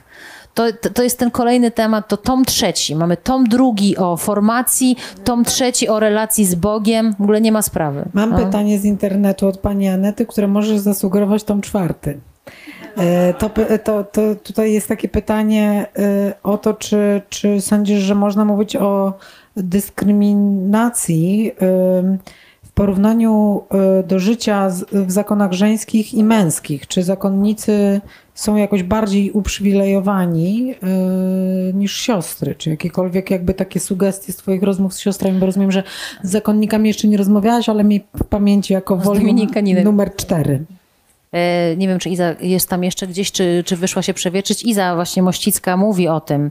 I to nie to, że jakoś e, w prywatnych rozmowach, to nie, nie sprzedaje jakichś prywatnych treści, ale Iza mówi w różnych swoich treściach, które publikuje również w internecie i, i w różnych wywiadach, których pewnie też udziela. Mówi trochę o tej dyskryminacji. Mówi o tym, że inaczej, dyskryminacji, że inaczej wygląda, tak? Możesz mi poprawić w razie czego, że inaczej wygląda jednak zakonnik i życie zakonnika niż zakonnicy, ale też nie wiem, czy byłoby takie proste przełożenie, że oni nie są dyskryminowani, bo są facetami, a my jesteśmy dyskryminowane, bo jesteśmy kobietami, bo niestety Iza mówi też o czymś takim, że ja tak się uśmiechałam trochę mówiąc, że patriarchat całe zło, ale to często kobiety same sobie czynią zło. I y, jakby to nie jest tak, że jakby zły biskup karze, tylko często kobiety wewnątrz siebie potrafią się zaorać, tak? W taki sposób, że, że naprawdę tam jest nie, niesympatycznie i niefajnie. Nie wiem, czy to byłby dla mnie tom czwarty, bo ja w ogóle nie wiem, czy, czy to już taki może raczej siódmy, bo myślę, że do tego tematu jeszcze byłoby parę innych. Jakby nie chcę być niemiła, ale o, o mężczyznach to jakby ja o kobietach mogę rozmawiać, o zakonnikach może, może mniej na razie. Jakby jeszcze, jeszcze z parę tematów kobiecych, które trzeba załatwić, tak? I zamościcka. To ja sobie pozwolę włączyć się w tą dyskusję, jak zostałam wywołana, bo e, też nie zdradzając naszych prywatnych rozmów, ale to jest e, coś, z czym ja bym najbardziej polemizowała e, mm, jako śluby posłuszeństwa. E, rzeczywiście znam to zdanie, e, słyszałam je wielokrotnie od wielu sióstr, że dla sióstr zakonnych to te śluby posłuszeństwa są najważniejsze, najtrudniejsze dla mężczyzn, e, dla zakonników śluby czystości. Tu jest pytanie o rozumienie, o przeżywanie, e, w ogóle o narrację o e, czystości, seksualności e, w zakonach żeńskich i męskich. Natomiast e, wydaje mi się, że gdyby e, mężczyźni mieli w zakonach męskich w Polsce przeżywać posłuszeństwo w takich kategoriach, jak ono jest podawane w zakonach żeńskich, mieliby te same problemy. A pytanie, czy gdyby siostry mogły przeżywać swoje posłuszeństwo w takich kategoriach, jak ono jest przeżywane w zakonach męskich, to czy ono wtedy byłoby dla nich tak trudne? Bardzo ciekawe. Ja y, mam dobrego kolegę, który jest księdzem i zakonnikiem i mogę powiedzieć tyle, że to są, bo myślałam o tym, kiedy te- teraz panie dyskutowały jeszcze o, o, o posłuszeństwu Bogu. y, Przyszło mi do głowy, a ty mówiłaś o cytatach biblijnych, o posłuszeństwie. Y, No Biblia to nie jest tekst zamknięty, to jest tekst, który służy rozważaniom. Y, Notabene w miesięczniku ostatnim w drodze jest naprawdę wspaniała rozmowa z profesorem Ryszardem Koziołkiem, który mówi Romanowi Bileckiemu, że jakby miał na samotną, na bezludną wyspę wziąć jedną książkę, to jednak by wziął Biblię. On jest protestantem, y, y, dlatego też został wychowany w tradycji czytania Biblii w domu i rozważań. To jest szalenie ciekawe, ale to jest. y, Mnie po prostu przyszła taka myśl, że my też chyba domniemujemy, że siostry to tak są posłuszne i są posłuszne, a zapominamy o tym elemencie wolności, ale też zobowiązania, że siostra ma sumienie i czas na modlitwę i na rozważania i to jest jej robota, to znaczy oś tej roboty, więc, więc sobie myślę, że, że na to roz... y, ja w pewnym sensie czytając swoją książkę pozazdrościłam nawet siostrom, że mają tyle czasu y, i obowiązku y, myślenia o tym, gdzie są w życiu i w jakim, w jakim y, są ułożeniu. Jakbyś chciała do Żarnowca pojechać, to w ogóle ja ci tam przetrę szlak. Tam jest ba- fascynują y, ścieżki, którymi nie podróżuję na, y, na co dzień, że tak powiem. Czy ktoś z Państwa jeszcze chciałby o coś spytać? O, mamy jeszcze, jeszcze dwie ręce w górze, zapraszamy. O, rety, rety. To, bo tu widziałam męską, ktoś jeszcze. Y, Dzień dobry, mam na imię Krystyna i y, chciałam zapytać Panią, czy w tych rozmowach, które Pani prowadziła, napotkała Pani taki temat e, pewnej gotowości na zmiany? Na zmiany e, jakby takie oddolne w żeńskim kościele, w ko kościele kobiet. Czy, czy tam e, Pani znalazła jakiś trop? Albo może wprost, e, ja jeszcze nie przeczytałam książki, więc jestem przed, e, ale ciekawa jestem, czy, czy w takim, na takim poziomie i głębszym, i takim bardzo zewnętrznym, nie wiem, że rozmawiają o zmianie habitów, welonów. E, e, czy, w, czy w ogóle taki trop pani tam znalazła? Jak, jest takie fajne powiedzenie, że wybitne umysły myślą podobnie. Ja też myślałam tak jak pani. To znaczy, e, jakiej my zmiany oczekujemy? Jakiej byśmy zmiany oczekiwali od kobiet w kościele? Nie? Ja mówię, buntujcie się! Ja tak poszłam tam do nich i mówię, dlaczego my nie wiemy, że wy tutaj macie te ukraińskie dzieciaki u siebie w domu? I Dlaczego my o tym nie wiemy? Dlaczego wy, wy jesteście takie mądre? Czemu wy, nie wiem, nie głosicie kazań, więcej rekolekcji? Dlaczego? Dziewczyny, w ogóle super, nie? I one, a, a bo siostra Borkowska mówi, no właśnie, czy ktoś nas zapytał, czy my byśmy chciały. I tu jest taka, em, ktoś powie może ucieczkowa, ja pewnie jej teraz na szybko nie znajdę, więc ją opowiem. Odpowiedź siostry Dolores, tak? Czy czuje siostra, ja tu idę, prawda? Czy jest takie przeświadczenie, że jest czas kobiet w kościele? Tak, czas kobiet w kościele, super, nie wszędzie czas kobiet, ja tak dedukuję, prawda? Mamy czasy kobiet, w, nie wiem, chłopki były wspominane, tak? Kobiety na wsi, mówi się o kobietach w różnych kontekstach, kobiety u władzy, jakieś parytety i tak dalej. Herstoria, dziękuję ci bardzo, czy jest her- herstoria w zakonie. A ona mówi tak, siostra Dolores, parafrazując trochę, że no my, jakby ja się dobrze czuję w tym miejscu, w którym jestem.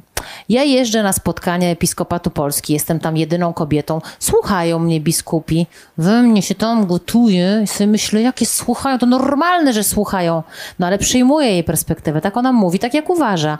Ja nie mam takiego, bo nie wiem, od razu może to też przecież rewolucyjne pomysły e, kobiet księży, tak, czy kobiet kapłanek. Przecież o tym jest cała wspomniana przez panią książka Oślica Balaama, Apel do duchownych panów, parę już ładnych lat temu napisana przez Małgorzatę Borkowską, gdzie ona z całą swoją, z całym swoim intelektem uciera nosa tym, przepraszam, klechom, które tam przyjeżdżają, księżom, którzy tam przyjeżdżają po prostu i robią, traktują te siostry jak głupsze po prostu. I przychodzi ksiądz i robi wykład, jakie to on czytał pisma, kazanie, no bo siostry na pewno tego nie wiedzą, tak? A one to czytały w 75, nie? A on się po prostu obudził teraz. Więc na pewno jest też taki stereotyp tych niedouczonych jakichś siostrach. Ale wie pani, jest taka dobra opowieść o tym, że a propos tego, czy od nas zależy życie. W życiu grasz trochę takimi kartami, jakie dostajesz. Nie? Jak jest partia, jak jest, gramy partię, to trochę też, no nie wyjmiesz sobie tam po cichu tego asa, no możesz, tylko to nie jest w porządku. Ja mam wrażenie, że one też jakby, te, one, no znów, one zakonnice, trudno mówić za wszystkie zakonnice, ale te, które są w mojej książce, one grają na tyle, na ile potrafią. I ja je wszystkie w jakiś sposób uważam za nieposłuszne. A to nieposłuszeństwo uważam za właśnie dialog, rozmowę, mówienie stop, mówienie nie, zadawanie pytań i ono może doprowadzić do wyjścia z zakonu, bo ja nie chcę, nie znoszę, nie potrzebuję, tak? Nie, nie podsuje mi to, to jest przemoc, to jest coś, a może doprowadzić, jeżeli, nie wiem, nie ma sytuacji przemocowej, do jakichś, nie wiem, potknięć, wątpliwości życiowych, tak? Więc myślę, że nie możemy oczekiwać jakiejś rewolucji tak, od, od zakonnic. Nawet to byłoby może nie naiwne, ale może takie y, należałoby. To, to, jest, to jest beton też, tak? To jest struktura beton.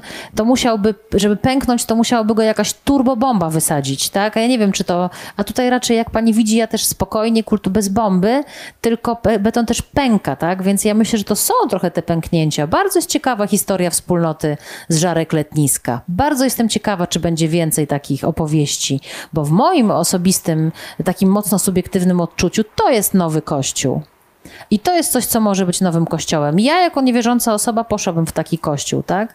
I też patrzę zaraz na Waldka, który świeżo wrócił z Broniszewic. No to, co robią siostry w Broniszewicach, to też jest nowy kościół. Zobaczcie, jakie one są otwarte, jakie one są wesołe, jak one też e, pokazują inną... Nie, mnie się na przykład nasz, nasz kościół kojarzy z tym Panem Bogiem, który za dobre wynagradza, ale za złe karze. I tam widmo śmierci, tak? E, Wszyscy umrzemy i Księga Hioba. Jakoś tak ciem, ciemno mi się kojarzą te wszystkie msze z, z dzieciństwa, tak? A one są tą jasnością, tak? Ale to myślę, że to jest, wie pani, to jest takie światełeczko.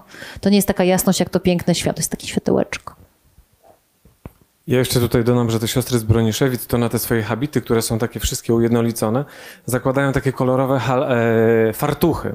Widziałam te E, fartuchy z pingwinami, bardzo mi się to nie tak, podoba. kwiaty. Nie podoba ci to? Nie. Okej, dobrze. Ale, Ale Justyna wracając do lubi książki- czerń, ona jest po prostu z zakonu czerni. A, racja. Ale one mają też czarno-białe te pingwiny. Widziałam, że siostry sobie zamówiły. One mają znaczy, super, białe, zamówiły mają sobie. te welony takie czarne. Ale dobra, do książki. E, bo ja tak, mam kilka, kilka przemyśleń i kilka pytań. Jedno przemyślenie to takie, że e, że trochę mi zburzyłaś mój stereotyp ateisty. My za mało rozmawiamy na temat wiary i niewiary, e, bo chociażby przez to, że mówisz, że Bóg przemawia przez siostrę Irenę, no to to burzy trochę mój stereotyp. Druga rzecz to jest taka, że ja Ci w ogóle bardzo dziękuję też za tę książkę, dlatego że dla osób wierzących e, to myślę, że to mogą być pewnego rodzaju rekolekcje. Dla osób niewierzących to ta książka jest choćby e, garścią informacji, bo myślę, że, że właśnie my tak stereotypowo, jak patrzymy na siostry zakonne, to my zupełnie inaczej je widzimy niż, niż one są tutaj pokazane w tej książce i, e, i niż to, jak one w ogóle same o sobie mówią o swoim życiu. To jest druga, trzecia to już była rzecz? Nie wiem, już powiedziałeś, że masz kilka Dobra, tych to teraz, pytań, ale to teraz już pytania. Wiesz. Pierwsze pytanie, bo nie padło pytanie, nie padła odpowiedź. Czy siostry chodzą na basen? Iza, czy siostry chodzą na basen? Tak. Okej, czyli, chodzą. mogą. I niektóre Czyli chodzą. chodzą. Dobra. O, Muszą mieć pozwolenie i zależy w jakim zgromadzeniu. Zależy Dobra. w jakim, ale generalnie jakby i wiesz, że też pewnie jak tam ma sprzyjające okoliczności. No jestem sobie w stanie, tak jak jestem sobie w stanie wyobrazić siostrę, która idzie na basen, bo może, tak jestem sobie w stanie wyobrazić siostrę, która nie idzie, bo jej zakazały inne siostry, tak? Albo patrzyły na nią, hu, jakby myślę, że, ale generalnie jakby nie jest, nie znam żadnej konstytucji zakonnej, chociaż oczywiście nie znam wszystkich, w której byłoby napisane, te siostry nie chodzą na basen. Dobrze, to drugie pytanie. E, To jest czwarte Rozmawiałaś, nie, to jest drugie pytanie. Myśli, bo wcześniej teraz pytanie. możemy przy kawie porozmawiać. Drugie pytanie jest takie, czy. Mm, bo tu jakby nie mówię o siostrze, o pani, która odeszła z zakonu, ale mówię o tych siostrach pozostałych, z którymi rozmawiałaś. Czy cho, choć raz przy, e, podczas którejś z tych rozmów przyszło ci na myśl, że ona może, że ta, że ta kobieta może być nieszczęśliwa? Powiem wam szczerze, i jeszcze tego nikomu nie mówiłam przy pracy nad tą książką, co mi przyszło na myśl. Jak rozmawiałam z siostrami, no powiedziałam to mojej mamie, to ona powie, że widziała. No taka rozmowa może trwać ileś, nie może być nieskończoność, tak, bo człowiek się męczy, tak? I miałam coś takiego przy paru siostrach, że w okolicach tam już, nie wiem, 40, 50 minuty takiej rozmowy, to taka, taki pot się pojawiał na czole. I tak jakby one się jednak spinały, żeby ze mną rozmawiać, używać odpowiednich słów, jakby żeby były takie, taka była, tak, że tak jakby, i moja mama nazwała to tak fajnie, że wiesz, może one powtarzają pewną mantrę, a jak już e, długo powtarzasz mantrę, to w pewnym momencie, nie wiem, czy to by nagle było, jakbyś zgasił światło, one powiedziałyby, Jezu, Pani Justyno, jak tam jest beznadziejnie, ale nie mogę powiedzieć, no bo rozmawiam, autoryzujemy tę rozmowę. Wiecie, co Wam próbuję powiedzieć, że widziałam, ale mogło to być też po prostu zmęczenie rozmową na, na trudne tematy, ale miałam to przy kilku tych rozmowach, że tak jakby one już tak, "Uff, dobra, to co teraz jakby, no dobra, dobra, ale może po prostu to było zwykłe, zwykłe zmęczenie, ale nie wiem, nie wiem, może to, wiesz, może to, może to była moja potrzeba jakiegoś szukania rysy, pęknięcia, nie wiem, może to było za dużo. I ostatnie.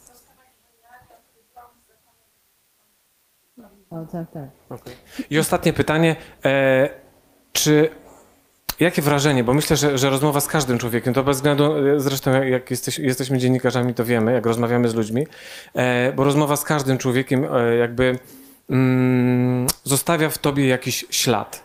Ja jestem ciekawy, jaki ślad zostawiły w tobie Nie te nawróciłam rozmowy. się, sorry, sorry Waldi, nie nawróciłam się, od razu ci powiem. No, tak, szczerze mówiąc, to po rozmowie z siostrą Benedyktą Karoliną Bauman, kiedy ją pytałam o coś o kościół, o kościół, a ona mówi do mnie, a pani jest chrzczona? Ja mówię, jestem. To pani też jest częścią tego kościoła? To sobie pomyślałam, że trzeba dokonać apostazji. Ja, ja nie jakieś apostazji, nienawidzę kościoła. Nie, jakby ja w ogóle nie mam jakiejś potrzeby ani walki, ani tylko po prostu jakby na logikę. To albo jesteś konsekwentna, a ja tu chodzę i mówię, że jestem ateistką, a jestem jakby częścią tej, to może jednak bym się troszkę e, bardziej w, w sobie e, odnalazła. Ale wiesz co, w czym, co ze mną zostało? Nie, nie, też trudno powiedzieć o jednej rzeczy. To, to, to, to taka na, na szybko, która, e, która mi się kojarzy z tymi rozmowami. Em, ale na- nie wiem, zostało, że są fajne kobiety, no, że po prostu udało mi się spotkać naprawdę fajne osoby i chciałabym, bo to też nie jest tak, że ja jakoś je wybielam. Nie, tylko pokazuję prawdę. Jak, to jest dla mnie prawda, tak? One są, one są prawdziwe, mówią o sobie, mają swoją przestrzeń do mówienia. Żebyście Państwo, czytelnicy i czytelniczki, też je zobaczyli, żebyście dostrzegli. Teraz jest takie, wiecie, moda na mówienie o widzialności, tak? No siostry nie bardzo są widzialne z różnych względów. Same się ukrywają. Ja nie mówię, że to jest czyjaś wina, ale warto je zobaczyć, wiecie, bo zaskoczylibyście się, jak można pogadać nieocennie. Nie, że to tak na podsumowanie ode mnie. Mam poczucie, że żyjemy w czasach, w których jak z kimś rozmawiasz, to nie po to, żeby się o nim czegoś dowiedzieć, tylko żeby sam powiedzieć, jaki, jest, jaki ty masz pomysł na ten temat. Nie zauważyliście to, że jakby dialog się bardzo zmienił. A poza tym, jak mówisz, to sobie myślisz, kurde, zaraz mnie ocenią, czy ja dobrze po polsku, czy ja wyglądam. Mnie, ja się czułam tak dobrze w rozmowie z tymi siostrami, bez tej oceny, bez tego takiego naszego nalotu, takiego, który gdzieś tam mamy w swojej przestrzeni. I to myślę, że fajnie było by wziąć od nich. To, to tak. Szczególnie, że moment historyczny jest dość y, szczególny, y, bo rozmawiasz z siostrami także o tym, że powołań jest coraz mniej, że ich jest coraz mniej, że być może one są reprezentantkami świata, który odchodzi, no bo są reprezentantkami starej instytucji, która przechodzi kryzysy nie tylko ze względu na swoje wewnętrzne problemy czy patologie, ale też ze względu na to, że ma olbrzymią konkurencję innych e, narracji o świecie. To znaczy, to jest też to. E, w związku z czym nie wiemy, jaka będzie przyszłość zakonów i, i żeńskich, i męskich, bo one są w bardzo trudnej sytuacji finansowej również. No i nie ma tych kobiet, które, tak znowu wielu, które, które chciałyby tam dołączyć, przetrwać 9 lat formacji i wtedy zdecydować, że tam zostaną. Dlatego chciałabym Cię poprosić, żebyś na koniec przeczytała nam krótki fragment Twojej rozmowy o przyszłości. To jest ten fragment, o którym ja myślę o siostrze. Nie wiem. Nie? Odtąd do końca strony. Tak, tak, tak, dziękuję ci. Czytasz w moich myślach. Przeraża mnie to trochę, że czytasz w moich myślach, ale ja właśnie to chciałam zacytować. Dziękuję, że to znalazłaś, naprawdę. E, nie martwi siostry kryzys powołań. To jest, trafiłaś Total. E, to jest e, fragment wywiadu z siostrą Małgorzatą Borkowską. O co mam się awanturować? Jest tytuł tego wywiadu. Ja ją pytam, czy ją nie martwi kryzys powołań. I teraz sobie wyobraźcie, że sobie siedzi ta siostra Borkowska z tą laseczką, tak patrzy na mnie i mówi tak. Z moich wieloletnich studiów nad historią życia zakonnego wyniosłam przekonanie, że szukanie Boga jest wieczne i nieskończone i będzie zawsze. Natomiast nie ma żadnej gwarancji przetrwania ani danego zakonu, ani poszczególnych klasztorów. Panu Bogu jedynie wiadomo, który kiedy ma powstać, a który kiedy zginąć. Z tego czerpie duży spokój, dlatego że to falowanie było zawsze. Były okresy, kiedy ludzie cisnęli się do klasztorów dosłownie drzwiami i oknami, a były takie, że mijały całe lata, zanim ktokolwiek się zjawił. Tak zawsze było i prawdopodobnie zawsze będzie, bo niby jak może być inaczej. Czekam spokojnie na rozwój wypadków i myślę, że jedyne w tej chwili, co jest ważne, to żeby nie zatracić swojego powołania, żeby robić spokojnie to, co do nas należy, a choćbyśmy miały być ostatnie, wszystko jedno. Pan Bóg sobie znajdzie czcicieli. Kocham te słowa siostry Borko. Ona po prostu i, i zobaczcie, co ona mówi. Lubimy cytować e, Wojciecha Monarskiego, tak? Róbmy swoje. Przecież to jest róbmy swoje, jakby tak? W wierze, w powołaniu, czy poza wiarą, po, róbmy swoje. To skoro ty robisz swoje, a y, tym twoim jest rozmawianie z ludźmi, rozmawiasz. Y, Rozmawiasz, rozmawiałaś do radia, rozmawiasz, rozmawiałaś do kamer, y, do publiczności na żywo. Od jakiegoś czasu rozmawiasz do książek. Rozmawiałeś z do książek rozmawiałeś z pilotami wycieczek, rozmawiałaś z ratownikami medycznymi, rozmawiałaś z ludźmi, którzy stracili bliskich i przodków w powstaniu warszawskim i rozmawiałaś z siostrami zakonnymi, to tak najbardziej na świecie z kim byś chciała jeszcze porozmawiać? Jest ze wszystkimi. E, to ja odpowiem, e, tak wiecie, bo teraz się uczę bycia w tej roli autorki. Autor musi zawsze na koniec powiedzieć, o czym będzie następna książka. To ja odpowiem, z kim ja porozmawiałam i z czego jestem bardzo dumna.